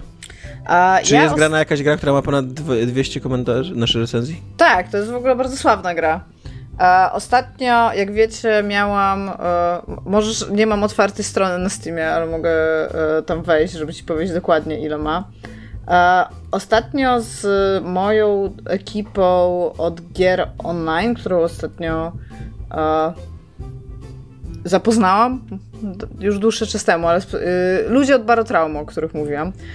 Niestety musieliśmy trochę powyjeżdżać, a jako, że się umówiliśmy, że będziemy zawsze pływać pełną załogą, to musieliśmy sobie znaleźć jakąś inną giereczkę na mniej osób i postanowiliśmy na, postawiliśmy na grę z w ogóle 2013 roku, ale to jest gra bardzo mocno mm, rozwijana od tamtego momentu, która się nazywa Projekt Zomboid. A jest e, stworzona przez The Indie Stone i ma, słuchaj, wszystkie recenzje 173 tysiące na Steamie recenzji, więc jakby tam się dzieje. Starfield. Tak, to zdecydowanie więcej niż Starfield i I Live Under Your House. Nawet razem. W każdym razie, nie wiem, czy kiedyś graliście w Project Zomboid, albo czy w ogóle o nim słyszeliście. E, założenie jest bardzo proste. Jesteś podczas zombie apokalipsy, ale jakby twoim zadaniem jest przetrwać. W sensie, jak najdłużej przeżyć. Nie uratować świat, nie znaleźć... y, doprowadzić jakieś dziecko, które być może ma szczepionkę w, w ciele z punktu A do punktu B. Nie, po prostu budzisz się w domu, jesteś normalnym typem i musisz zrobić wszystko, żeby jak najdłużej przetrwać. Nie można mieć szczepionki w ciele. Jak, jak, jak, jak ona ma mieć szczepionkę w ciele? Jakby tam No ma- Zaszytą w nerce? Tak, na przykład. Strzykawkę? Tam. No nie, no ma pewne Lekarz nie zauważył, jak operował, co nie, jak fizyczno-chemiczne, które spowodują, że jesteś w stanie z jej części ciała, której nie mogę powiedzieć jaka jest, bo to pewnie jest spoiler, e, wykonać szczepionkę. To jestem Anyway. bardzo ciekawy, jaka to jest część ciała. Naprawdę? Nie, nie naprawdę. No właśnie. Nie jestem ciekawy. W Znaczy, każdym nie, bar- nie jestem bardziej ani mniej ciekawy niż całej reszty tego, o czym mówisz, więc kontynuuj. No, Okej, no w każdym razie y, budzisz się w jakimś domu, w jakiejś y, części Kentucky, bo w ogóle całość się dzieje w latach 90. w Kentucky, co jest super, bo możesz biegać w ortalionach. I wygląda trochę jak e, Little Big Adventure, pamiętacie Little Big Adventure? Mhm. No to to jest taki e, izometryczny Będzie rzut. remakeowana w ogóle ta gra. I bardzo dobrze. W każdym razie jest taki izometryczny rzut jakby na pomieszczania i e, jesteś w stanie znajdywać bardzo, bardzo dużo szajsu, które normalnie ludzie mają w domach, ale też tam w szpitalach i tamten. E, I możesz grać w ilość osób, ale jakby musicie się ze sobą komunikować tam, gdzie jesteście i co będziecie robić, bo nie startujecie razem jakby. No i tak naprawdę startujesz z niczym. Startujesz tylko z ubraniem, które masz na sobie i jest, nie jesteś zarażony, w sensie nie jesteś ugryziony, więc musisz przetrwać. I to, co jest super w tej grze, bo to jest oczywiście taki trochę hardcore simulation y, crafting game, to jest to, jak bardzo jest wszystko analne w niej. Czyli na przykład powiedzmy, że zna- jesteś głodny, znalazłeś puszkę z jedzeniem, nie? Więc co byś, co byś Tomku zrobił z taką puszką z jedzeniem? Nie wiem, otworzył ją i zjadł to, jest w środku. ale nie masz otwieracza do puszek, więc trochę przepieprzony. Idziesz, szukasz otwieracza do puszek, otwierasz puszkę, zjadasz ją, ale nie masz łyżki, więc zjadasz, ale nie jesteś szczęśliwy, że ją tak zjadłeś. I twoja postać jest lekko smutna. Jeżeli nie zrobisz nic, żeby twoja postać przestała być lekko smutna, to dostanie lekkiej depresji i będzie coraz gorzej, jakby to będzie progresować. Jeżeli Jest, to, przykład... jest to bardzo znany e, e, mechanizm e, taki psychologiczny, że jak Jest. nie jesz łyżkami, to wpadasz w depresję. Tak, jest. E, co więcej, jeżeli jesz na przykład słabej jakości żarcie, typu, e, ja nie wiem, czy jest taka, taki gotowy dinner, to się nazywa po, w Stanach Zjednoczonych to jest TV dinner, że się kupuje coś, co się podgrzewa w mikrofali, się kładzie na takiej specjalnej tacce i się je oglądając telewizję. I to się kojarzy ogólnie tak kulturowo no, z takim brakiem kontaktu z ludźmi, tak? Jakby i to na przykład to powoduje, że jesteś najedzony, ale jesteś bardzo nieszczęśliwy, że to zjadłeś. I tak samo jest z jakimś suchą fasolą albo coś takiego, więc musisz naprawdę dobierać, co będziesz jadł. A najlepsze jest to, że jak już powiedzmy, że ci się uda, uda ci się znaleźć dom, zabarykadować okna, zasłonić zasłony, żeby cię to zombiaki nie widziały i masz przez moment spokój. Więc siadasz na podłodze, jesz sobie te puszki, bo znalazłeś tam otwierasz do puszek i wszystko jest okej, ale wtedy twoja postać zaczyna się nudzić. I idziesz na rajd, żeby znaleźć książkę, magazyn, w ogóle czyta się też czasopismo z krzyżówkami, takie tam 500 panoramicznych też to czytają w ogóle, więc to musi być fascynująca lektura. E, I z czasem jesteś w stanie rozszerzyć sobie statystyki, ucząc się z książek i wykonując e, pewne czynności. Czyli na przykład realnie jesteś w stanie stworzyć sobie małe pole, na którym będziesz hodowo wyżywać, co spowoduje, że nie będziesz musiał tak często wychodzić na, na miasto. I jakby ty sam sobie stawiasz cel w tym wszystkim i patent polega na tym, że jak tylko coś ci ugryzie, to ty jeszcze żyjesz, ty jeszcze jesteś w stanie pomagać, ale ty już wiesz, że zaraz będziesz musiał się rozebrać, pójść do lasu i ktoś ci pokaże za stodołą zachód słońca, bo trzeba po prostu cię usunąć. Jakby ty, ty nie możesz się zmienić w zombiaka tam w środku tego. I to powoduje taki bardzo dużo dramatyzmu, kiedy ludzie cię żegnają. Mówicie, że byłeś dobrym ziomeczkiem. I kiedy umierasz, masz napisane, ile przetrwałeś. I basically to jest, to jest ta rzecz. Plus, jeżeli znajdziesz na przykład broń palną albo cokolwiek takiego, co wydaje ci się, że pomoże ci przetrwać, to to ma ze sobą zawsze jakieś konsekwencje. Czyli na przykład broń palna jest silna, ale wydaje dźwięk. W momencie, kiedy strzelisz, masz pół miasta na sobie. I to jest, to wymaga takiej skoordynowa- sko- skoordynowanej akcji czasami, że potrzebujesz, żeby ktoś gdzieś strzelił i uciekł stamtąd, żeby tam przyszły zombiaki. Albo na przykład uderzysz samochód kijem baseballowym, włączysz im alarm, więc one będą tam iść, przez co ty masz czas obrobić sklep spożywczy. I muszę powiedzieć, że bawimy się fenomenalnie. Ja tam na razie może w to mam jakieś 15-20 godzin. I jest naprawdę, naprawdę super. Przy okazji jeszcze. A ile osób wygracie? W cztery, tak? e, gramy w, teraz w 5.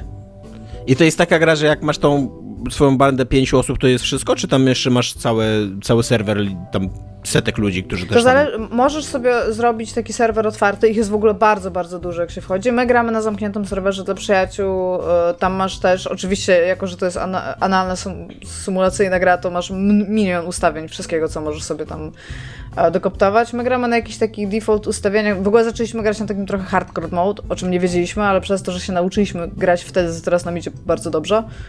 Jak już sobie trochę zmniejszyliśmy ten poziom trudności nas wszystko nie chce zjeść non-stop. Ale widziałam, że są, są takie serwery, które mają w ogóle milion modów i tam na przykład gra ze setka ludzi, nie? Nie wiem, jak wtedy to wygląda, ale domniemam, że jest jakiś struggle jednak o y, te zapasy. Pewnie to są te takie postapokaliptyczne scenariusze, gdzie tworzysz frakcję i jeden ziomek siedzi w supermarkecie jako król i ma dwóch typów na smyczach, bo tak wyglądają te wszystkie zombie apokalipsy. I tak, ale chciałam jeszcze powiedzieć, że ma też bardzo analny system leczenia się, bo jeżeli na przykład przechodzisz, y, zbijasz okno i w oknie jest szkło, bo jest szyba, to musisz je najpierw wyczyścić, żeby móc przez nie przejść, bo jeżeli przez nie przejdziesz, jak ta szyba jest jeszcze wybita, to tam mogą być drobinki szkła i na przykład sobie pociachasz ręce. Ale to tam jakiś milion systemów jest w tej grze, Jest milion systemów. Nawet jak zakładasz czapkę z daszkiem, to jak chcesz ją założyć, to się ciebie pyta, czy chcesz ją założyć daszkiem do przodu, czy do tyłu. I to jest już dla mnie takie wow.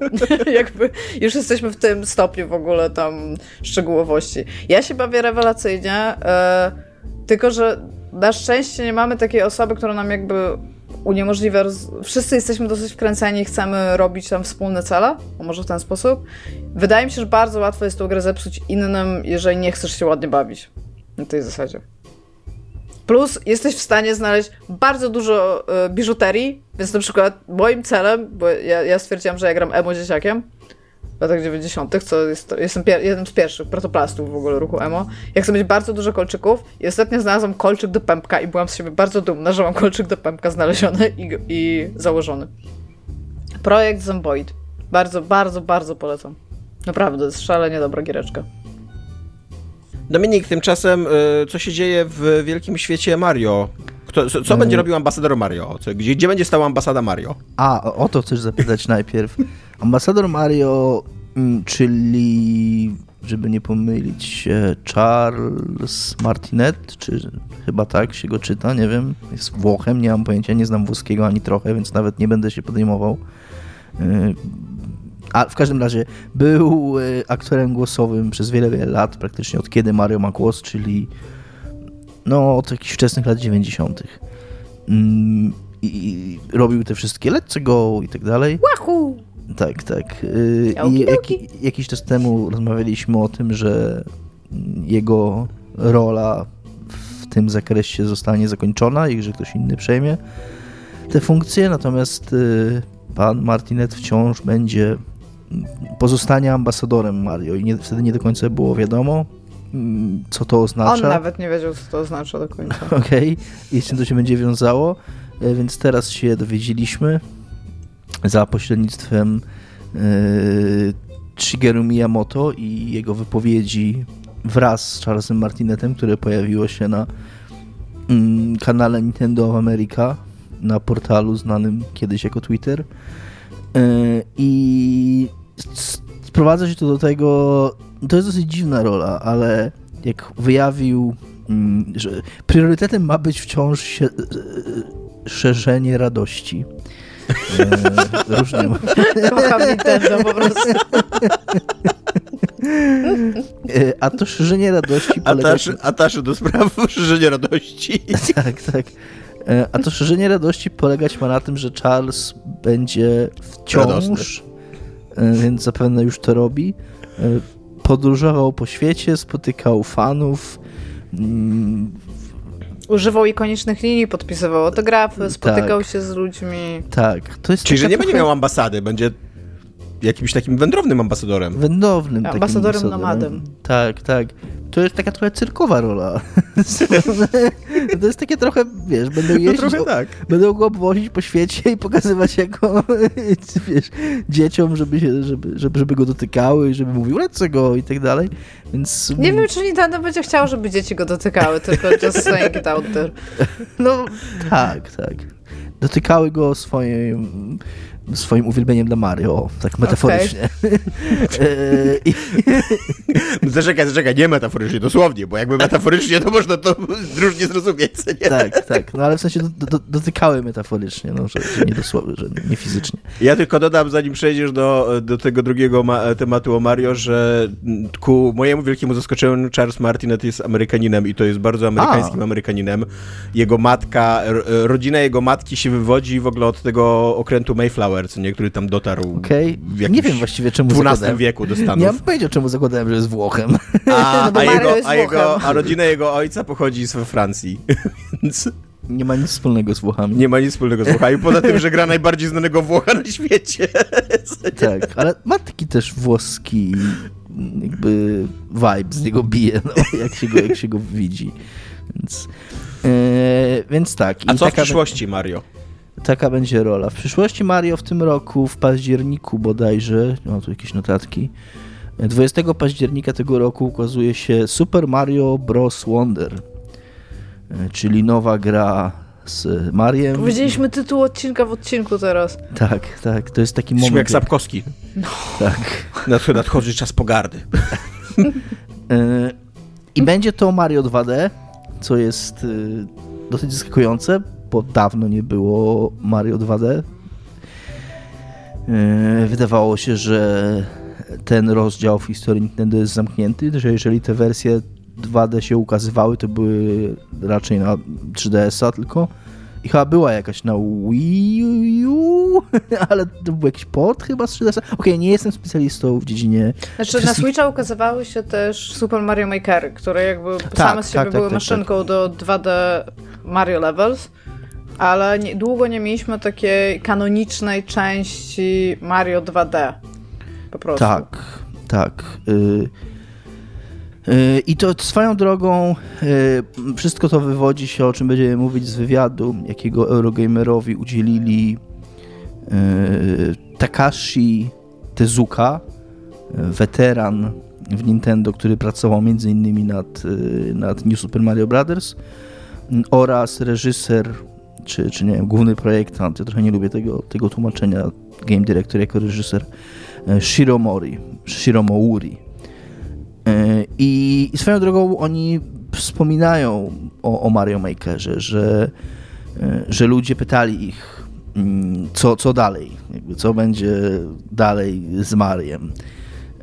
I, I tym nowym będzie Super Mario Wonder, który ma, jak wynika z tytułu, takie zdaje się być znaczy zdaje się być, mówię o tym wprost. Cel e, stworzenia tej gry jest taki, żeby na nowo wzbudzić zachwyt mm, graczy Mariem, co w takiej formule 2D może się wydawać trudne, bo wydaje mi się, że właśnie w ogóle samo przejście Mario w 3D to była trochę odpowiedź na to, że jak długo można robić platformówki 2D, zanim się zrobi wszystko w nich, co można w nich zrobić, tak?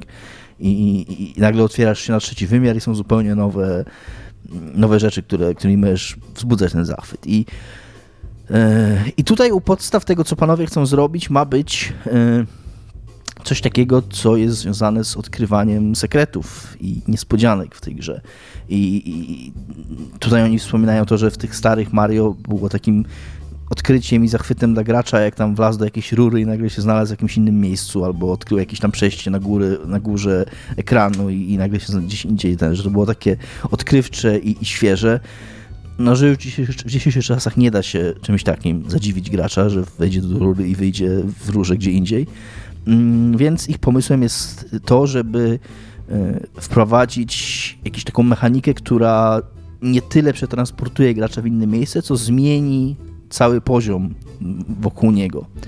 Więc tam będzie jakaś znajdźka czy coś takiego, którą, po której zebraniu ten level się jakoś przebuduje, zrekonstek... No, no.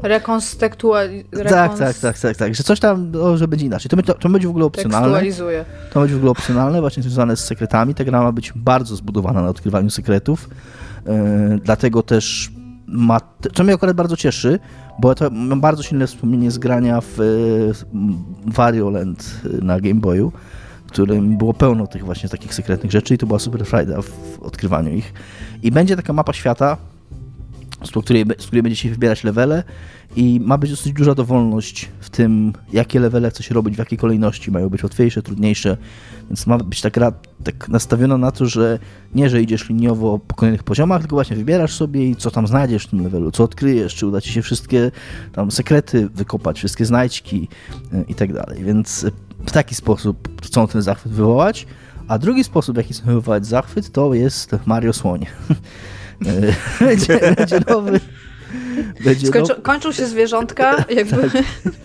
będzie nowy strój dla Maria, Mario Słoń, y, który został, urodził się y, z potrzeby, z chęci dania graczom większego Maria.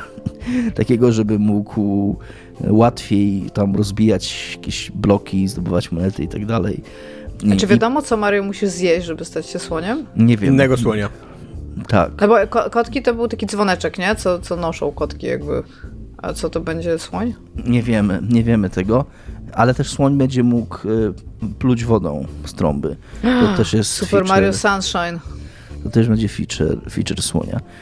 Mm, I ma, będzie też koop do w ogóle 12 osób. Y, Natomiast oczywiście nie na jednym ekranie, tylko idea jest taka, że do 12 osób będzie mogło jakby uczestniczyć w grze, y, natomiast najwyżej 4 na raz grać, tak? Więc pewnie po prostu mm, będziesz miał jakiegoś tam swojego ludzika wybranego, jakieś tam swoje monetki zebrane, no ale musisz przed wejściem do levelu zdecydować, którzy czterej aktual z, z tych 12 będą grać faktycznie. Nie? Mm, Jest taka trochę party game, z tego można uczynić. że... No, ci ludzie, którzy nie grają, będą się pewnie bawić wybitnie dobrze, no. tak, tak, to prawda. E, Będzie też sieciowy koop, więc może to jest jakieś rozwiązanie, za które trzeba będzie zapłacić, bo tak jest. Ja, ja, ja mam odpowiedź na pytanie, co trzeba zjeść, żeby zostać e, słoniem Mario. O. Wysłałem wam właśnie na komunikatorze, możecie, możesz to Dominik wkleić później do pisu. Trzeba zjeść jabłko, słoniowe jabłko, jakby. Taki, taki, taki Okej. owoc bardzo popularny, bardzo znany.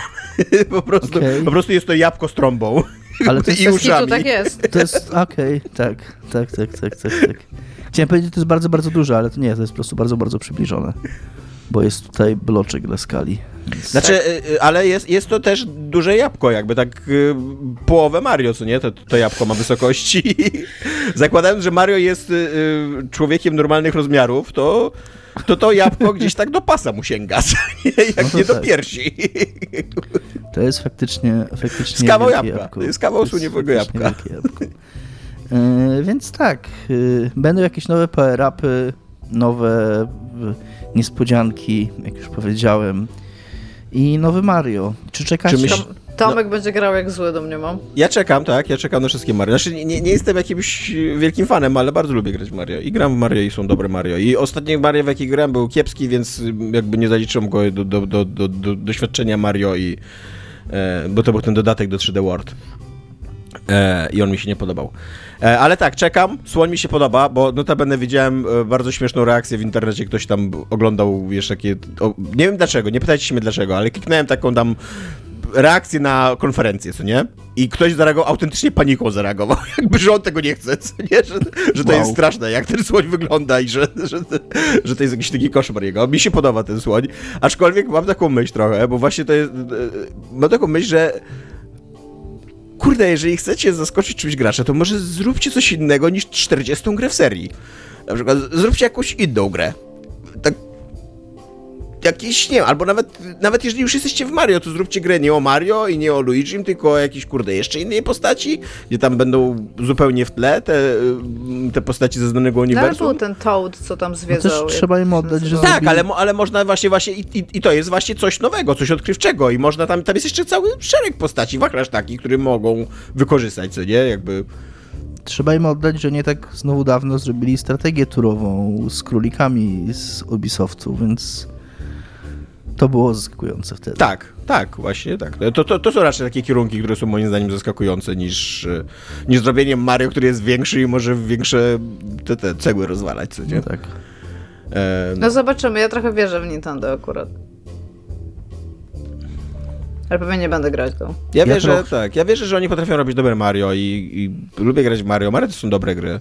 Tylko cała ta, cała ta właśnie taka dopisywanie tej ideologii, że oni chcą od, odkrywać, że tego, tego właśnie ten, ten wonder związany z pierwszymi Mario, no nie, już nigdy nie będzie wonder związany z pierwszym Mario, bo to jest klasyka z 40 lat. Nie każdy to zna, każdy wie jak to wygląda. Nie ma bardziej jakby chyba opatrzonego widoku niż ten pierwszy ekran Super Mario, nie?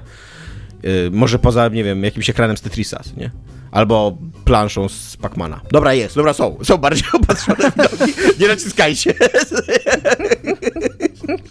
Ja trochę czekam na tę grę, bo ja trochę bym chciał polubić jakąś taką klasyczną platformówkę.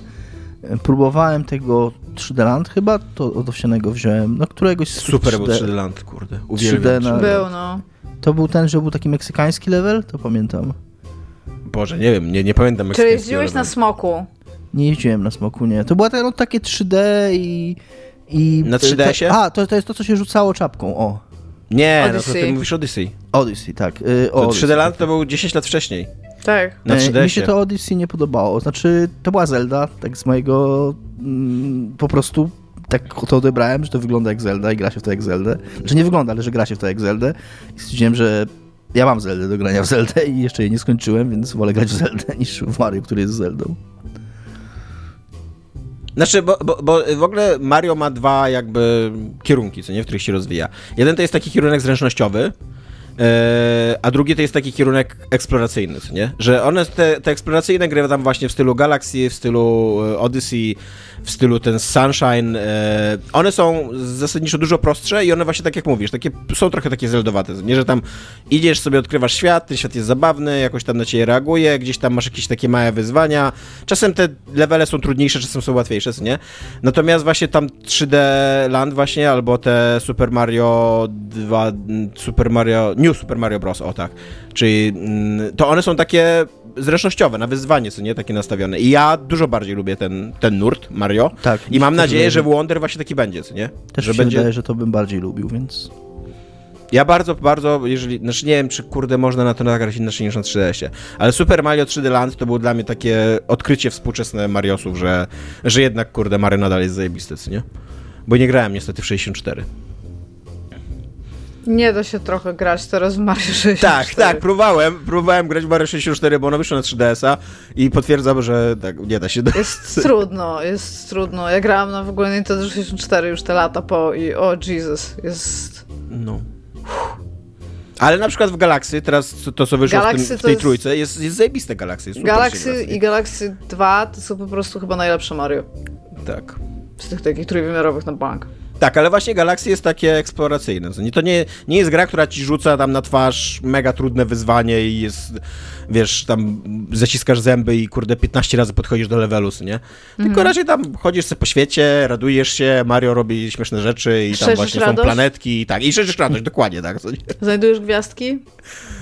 Mm, Tam chyba w Galaxy znajdujesz gwiazdki, a nie jakieś, nie coś innego? Tak, no to gwiazdki, tak. Te gwiazdki, które później któryś królik przeleciał, jakby Tak, chciał, chciał tak one uprawiają seks z królikami. że tak. w uniwersum Mario dokładnie to totalnie się wydarzył seks między królikiem a gwiazdą, co nie? Bo te gwiazdki w tej ostatniej strategii Mario Rabbids, one są takimi teraz gwiazdko-królikami, Króliko-gwiazdkami, tak. więc więc tak. gdzieś tam musiała zajść krzyżówka. Albo inżyniera W genetyczna. loży, tak. Albo inżyniera genetycznego. Nie wiem, co lepsze, co nie? Ja już wolę tą legendę o tym odważnym króliku, który porwał się na gwiazdę. Co? Jakiś eksperyment w ogóle Umbrella Corp. Tak. Iga, a co jest żyte u nas? No właśnie, co jest żyte u was? Słuchajcie. A... Zrobiłam taki bliski mi temat. Jesteś Ponieważ- babą, przepraszam. E, tak, po pierwsze jestem babą, a po drugie ja się pozbywam bardzo wielu takich fizycznych rzeczy od dłuższego czasu i między innymi okazuje się, że ja mam bardzo dużo ubrań.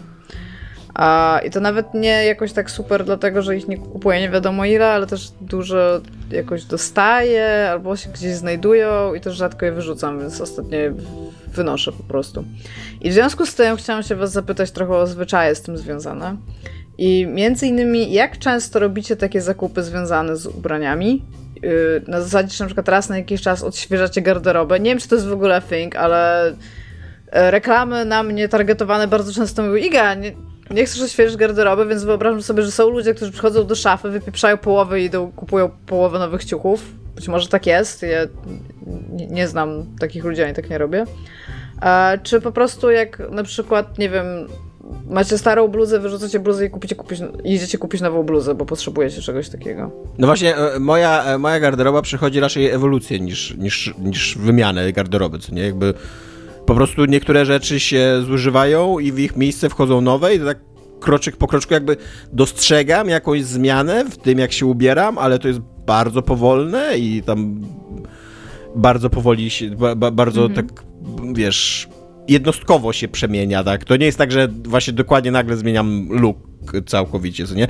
I zas- zasadniczo niestety idę w kierunku dziadziania, co nie? Jak- Takiego, jednak mam swój wiek i tam teraz jestem, kupuję. teraz jestem człowiekiem dresów, nie, e, klapków i, i, i taki przede wszystkim komfort i, i takie Taki rzeczy. styl popandemiczny się spopularyzował tak, ogóle bardzo tak, mocno. No. Tak, to, to prawda, że styl popandemiczny. Teraz, teraz właśnie moim, e, moim wielkim e, zadaniem takim garderobianym jest to, żeby znaleźć porządne dresy, których się mogę pokazać przed ludźmi, co nie? Jakby nie takie, nie takie dresy podomowe, bo takich mam już ze dwie czy trzy pary i, i po domu się uchodzę tylko w dresach, ale takie, żeby, żeby kupić jakieś takie właśnie naprawdę markowe dresy, mogę nawet więcej za nie zapłacić, ale żebym mógł spoko- z czystym sumieniem wyjść z domu w nich, żeby nie musieć się przebierać. Mm, Więc ja jak mam- w liceum byłem punkiem, tak teraz zmierzam w kierunku dresiarza.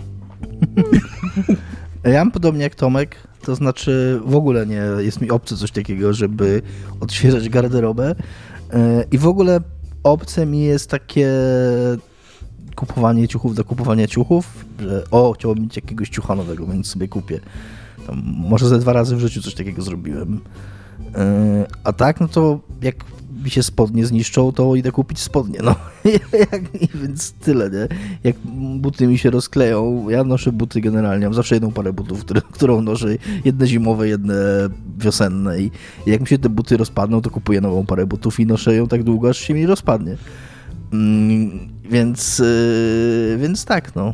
Więc nie, nie, absolutnie nie mam sobie jakiegoś takiego, jakiejś takiej żyłki modowej, żeby yy, sobie, wiesz, pójść i coś, coś fajnego kupić nowego. Nie, wolę to przepieprzyć na giereczki na przykład. Iga, czy, czy twoja garderoba przeżywa rewolucję? Masz tak czasem, jak w amerykańskich filmach, że otwierasz szafę, wszystko wywalasz i... No właśnie ja tak nie mam, to, ale aczkolwiek mam tak, że na przykład jak to będzie jedno z tych pytań, o których będę mówić. Ja na, najczęściej nie chodzę kupować ciuchów już, szczególnie po pandemii już zupełnie przestałam to robić, ale czasami coś zamówię. I bardzo często jest tak, że coś mi się strasznie spodoba, na przykład, nie wiem, jakiegoś tam designera albo coś takiego i wtedy jak już coś kupuję tam, to kupuję na przykład dwie albo trzy rzeczy. I mi się wydaje, że w związku z tym zaczęło mi się ich trochę po prostu akumulować w, w garderobie. A, ale mam też dla was pytanie, czego macie najwięcej? Tam na przykład koszulek, bluz i spodni, bo ja o ile koszulek jestem w stanie, w sensie takich topów koszulek albo coś takiego, jestem w stanie się pozbywać z miejsca. Na zasadzie mam tego za dużo, z tym rzadko chodzę, spoko wyniosę. To z jakiegoś powodu ja czczę bluzy. W zasadzie ta bluza jest spoko, jest ciepła, nie, nie chcę jej oddawać, nie chcę jej wyrzucić, więc ją zostawiam. I potem sobie kupię jeszcze jakąś bluzę i mam po prostu strasznie, strasznie dużo bluz. Taki To są w Igo, kapturem. Iga, Iga bluzy, to są idole, fałszywi bogowie i bałwany, nie możesz jakby oddawać im czci. Nawróć No się. niestety, niestety, ale to się dzieje, to się dzieje od wielu lat, zobaczyłam. Byłam w jakiś sposób na, na, nakierowana na to przez e, konsumpcyjny, e, konsumpcyjną część kapitalizmu. Więc E, tak, U mnie e, jest e, t-shirty, to są takie, takie ciuchy. Mam bardzo du- dużo t-shirtów. To się wiąże trochę z tym, że w głębi ducha cały czas jestem tym człowiekiem, który przyszedł pierwszego dnia do wirtualnej Polski, zobaczył, że są ludzie, którzy noszą fajne t-shirty i zapragnął być takim człowiekiem. Takim człowiekiem, człowiekiem na przykład był Dominik Gąska i, i Michał Piwowarczyk. E, I od tamtego czasu kupuję sobie fajne t-shirty z e, popkulturowymi nadrukami, a jako, że jestem człowiekiem jednocześnie leniwym, to jak już kupuję sobie te t-shirty, to kupuję na przykład ich 5 albo 10. Więc mam teraz 20 t-shirtów. Aczkolwiek y, bardzo szybko, y, ostatnimi dniami, y, t-shirty ustępują pola gaciom, ponieważ wyjechałem w tym roku na dłuższy urlop, na tam wiele dni i odkryłem, że mam za mało gaci. I trzeba było u, Czy urządzić... zawsze pakujesz urządzić jedne gacie tak, więcej, jedne gacie... jakbyś się zesrał. Czasem nawet dwie, dwa gacie, więc jakby się Ja zesrał dwa zawsze razy. Dwa gacie więcej. Więc tak. Ale i tak, i, i konieczna była przepierka w trakcie wakacji, co jest w ogóle fatalne, więc teraz y, znalazłem, znalazłem gacie, które są dobre i tak myślę, że z 15 par kupię, co nie? Żeby mieć na 10 lat z sobie głowy, co nie? Ten, ten Z temat. tego, że są modele subskrypcyjne, za które płacisz miesięcznie, tam na przykład za rok i oni ci co miesiąc przysyłają nowe gacie? I co, ty I przez one miesiąc są- nie zmieniasz tych gaci? Jak, No czekasz nie, następne? chodzi o to, że tam masz jakąś, jakąś tam część gaci tam u siebie już, tak? Ale dostajesz designerskie zawsze jakby takie never before seen gacie, które są tylko przez ten miesiąc w katalogu i ci je przysyłają Iga, pocztą. zdradzę ci pewien sekret, jak ja kupię gacie, to one i tak będą never before seen. Mówię po prostu, że taki, jest taki serwis tego. subskrypcyjny. Teraz trochę, trochę ze wszystkiego coś się zrobi subskrypcję, nie? Jak u nas gaci nawet. Jest taka, taka No szczoteczki potrzeba. do zębów są na pewno Tak. i maszynki do golenia, bo to widziałam, z że pełno już tych jest. takich, tak, jakieś tam lootboxy, tak, że kupujesz i ci wysyłają jakieś niespodzianki co miesiąc, albo... To, to, jest- to już dawno, no. Albo to, to, dawno, tak, to już było wcześniej, albo że żarcie, jakiś catering, albo nie catering, jakby teraz z każdej rzeczy kuna chcą zrobić subskrypcję. No tak. A Dominik, czego masz najwięcej? Też t-shirtów, zdecydowanie, bo ja jestem bardzo takim pragmatycznym człowiekiem, znaczy pragmatycznym, nie wiem czy pragmatycznym, czy po prostu leniwym, że poza t-shirtami, t-shirty też, też ostatnio mniej, ale, ale miałem tak, że czasami tak mam, że, że, że t-shirty traktuję jako tam coś, co może być fajne faktycznie i tam jest śmieszne albo, albo mi się podoba po prostu tam e, estetycznie, tak? A wszelkiego innego rodzaju rzeczy traktuję całkowicie użytkowo. Mm, Czy spo- spodnie po prostu, żeby były wygodne i pasowały na mnie i, i buty. No buty też, ale buty mam, mam jedną, tak jak powiedziałem, ja mam dwie pary butów, zawsze, od kiedy pamiętam. mam 40 par butów. Ja, ja w ogóle, dla mnie kupowanie butów to jest koszmar, co nie? To, to jest koszmar.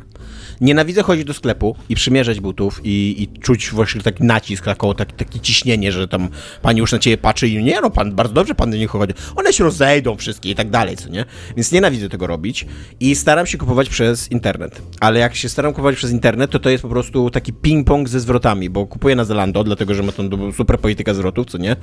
I po prostu y, zanim kupię buty, które są wygodne, ja mam bardzo szeroką stopę, albo płaskostopie, zależy jak na to patrzeć, co nie?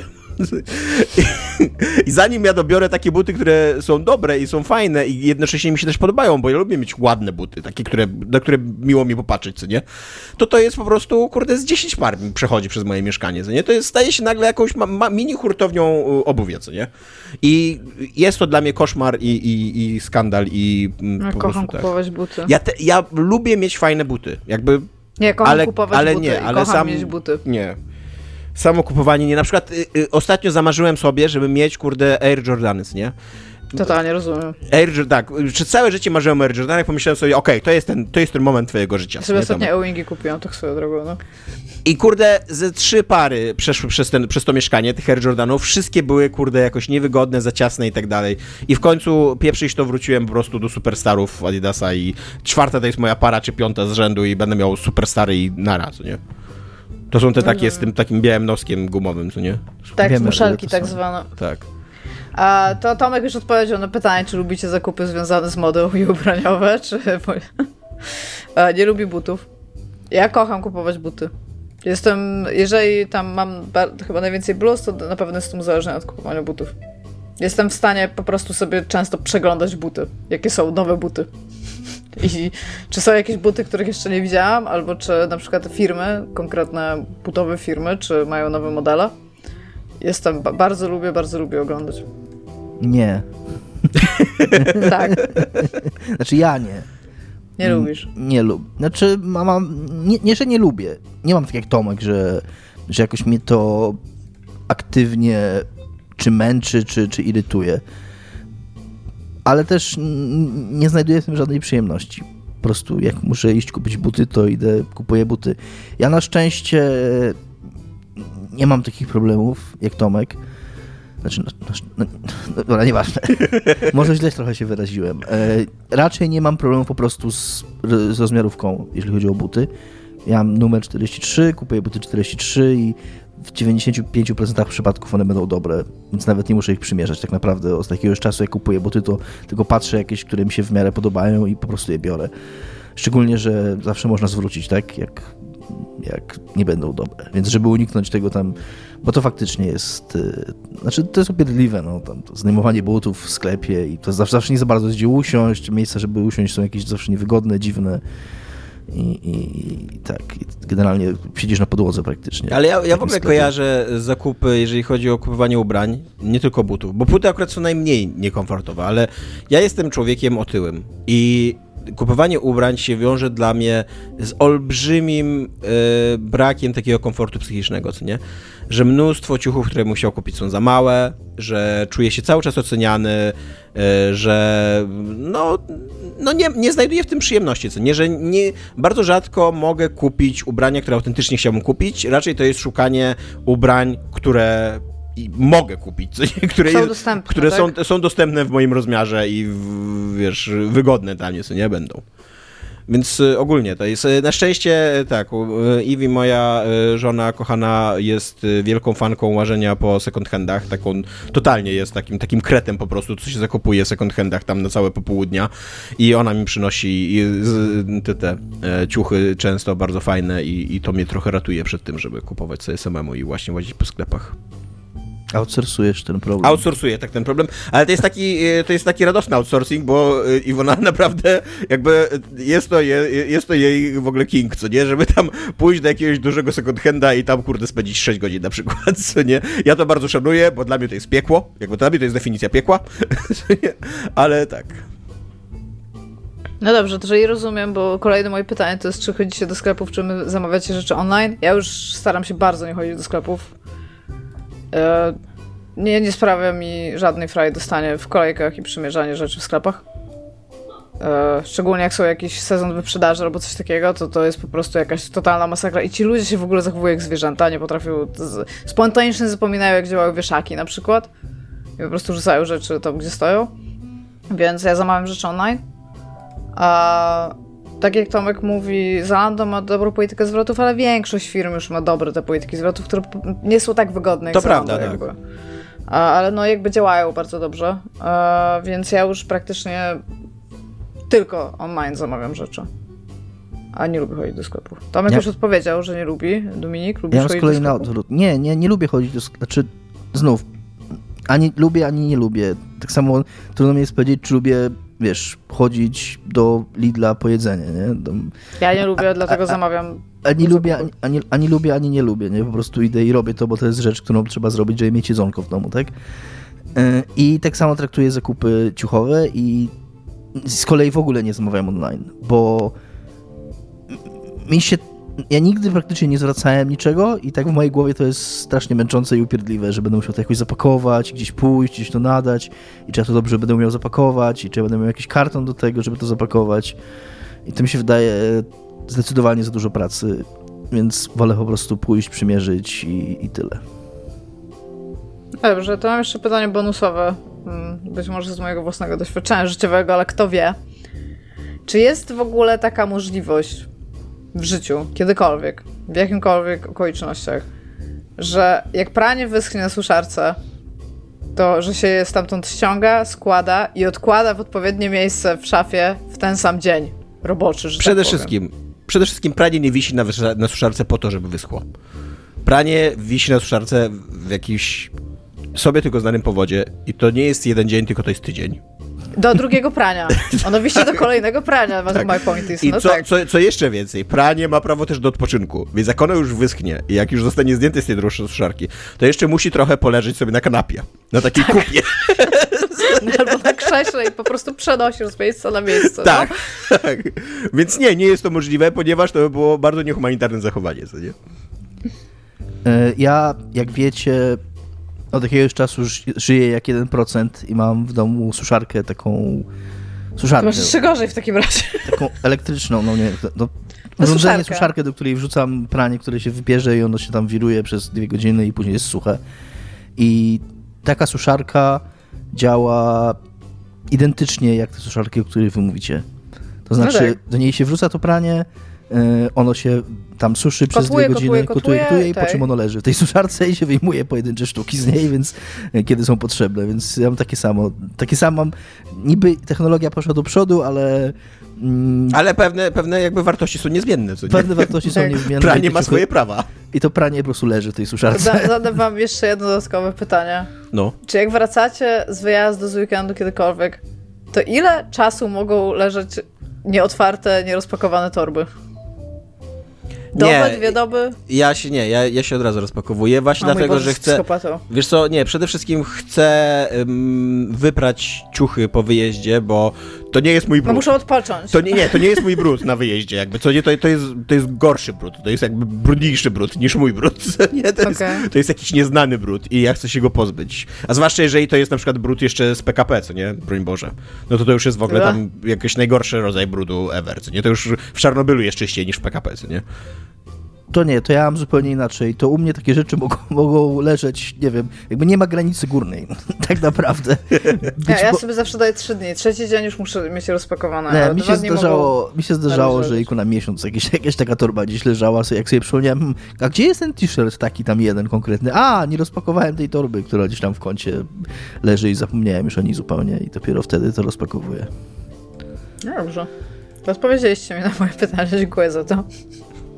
Ale ja mam teraz jeszcze do ciebie e, pytanie, e, znaczy nie tylko do ciebie, do Dominika też. Czy t-shirt zasługuje na prasowanie, czy wystarczy go po prostu bardzo mocno strząsnąć? Najle- jedną z najlepszych decyzji mojego życia, jaką podjęłam, to był fakt, że ostatni raz żelazka użyłam na drugim roku studiów, idąc na poprawkę z egzaminu z historii sztuki średniowiecznej polskiej.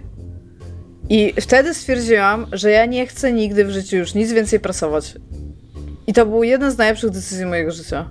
Niestety będąc... y, I wystarczy go strzepnąć przed powieszeniem na suszarkę, zawiesić, a potem ta linia, co jest na suszarce, udaje, że jej nie ma. y, niestety, Nie ma tej linii. będąc y, facetem w tym kraju, w tym roku, nie no, są pewne rzeczy, które trzeba prasować niestety, na przykład koszulę taką Tak, koszulę trzeba prasować, zgadzam. Y, Dlatego nie, nie- chodzę w koszulach. Nie da, Ja się, przestałam prasować koszulę. nie da się jej założyć, więc jak jest taka okazja, że trzeba jeździć w garniturze, no to tą koszulę trzeba wyprasować, spodnie też. Można też po prostu nie iść. Można też po prostu nie iść. E, Ale kosz t-shirtów to ja też nie prasuję od... e, Nie wiem, czy kiedykolwiek prasowałem, może kiedyś, ale też nie. Ja powiem więcej, e, albo nie powiem tego, nie. A Tomek? Tomek, a ty? Prasujesz co? e, y, Skarpetki też? Nie, nie, nie, nie, nie Mieliśmy prasuję. takiego znajomego, kto prasował gacie i skarpetki. Wow.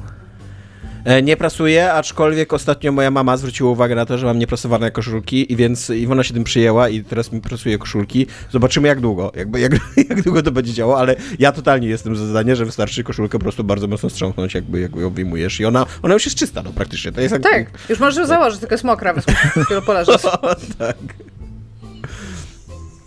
Więc tak, e, to było na tyle, jeżeli chodzi o dzisiejszy odcinek. E, chcielibyśmy na końcu przypomnieć tylko, że mamy takiego Patronite'a, na który możecie wpłacać pieniążki i, i, i jak wpłacacie te pieniążki, to jesteście super. Jak nie wpłacacie pieniążki, to pewnie też jesteście super, e, tylko po prostu macie ten checkbox wpłacanie pieniążków nieoznaczony, co nie? Jesteście tam super oznaczone, wpłacanie pieniążków nieoznaczone, co nie? E, I chcielibyśmy podziękować Mafinkowi, Jarosławowi, Bartkowi i Tomkowi e, za to, że wpłacają na najwyższym poziomie. E, to, to, to, to, to, to też to jest tam kolejny checkbox, który możecie sobie o, o, o, zaznaczyć i macie wtedy trzy checkboxy zaznaczone, a wiadomo, że lepiej mieć trzy niż jeden. E, I tak, i to tyle. Trzymajcie się, hej. Cześć. Pa!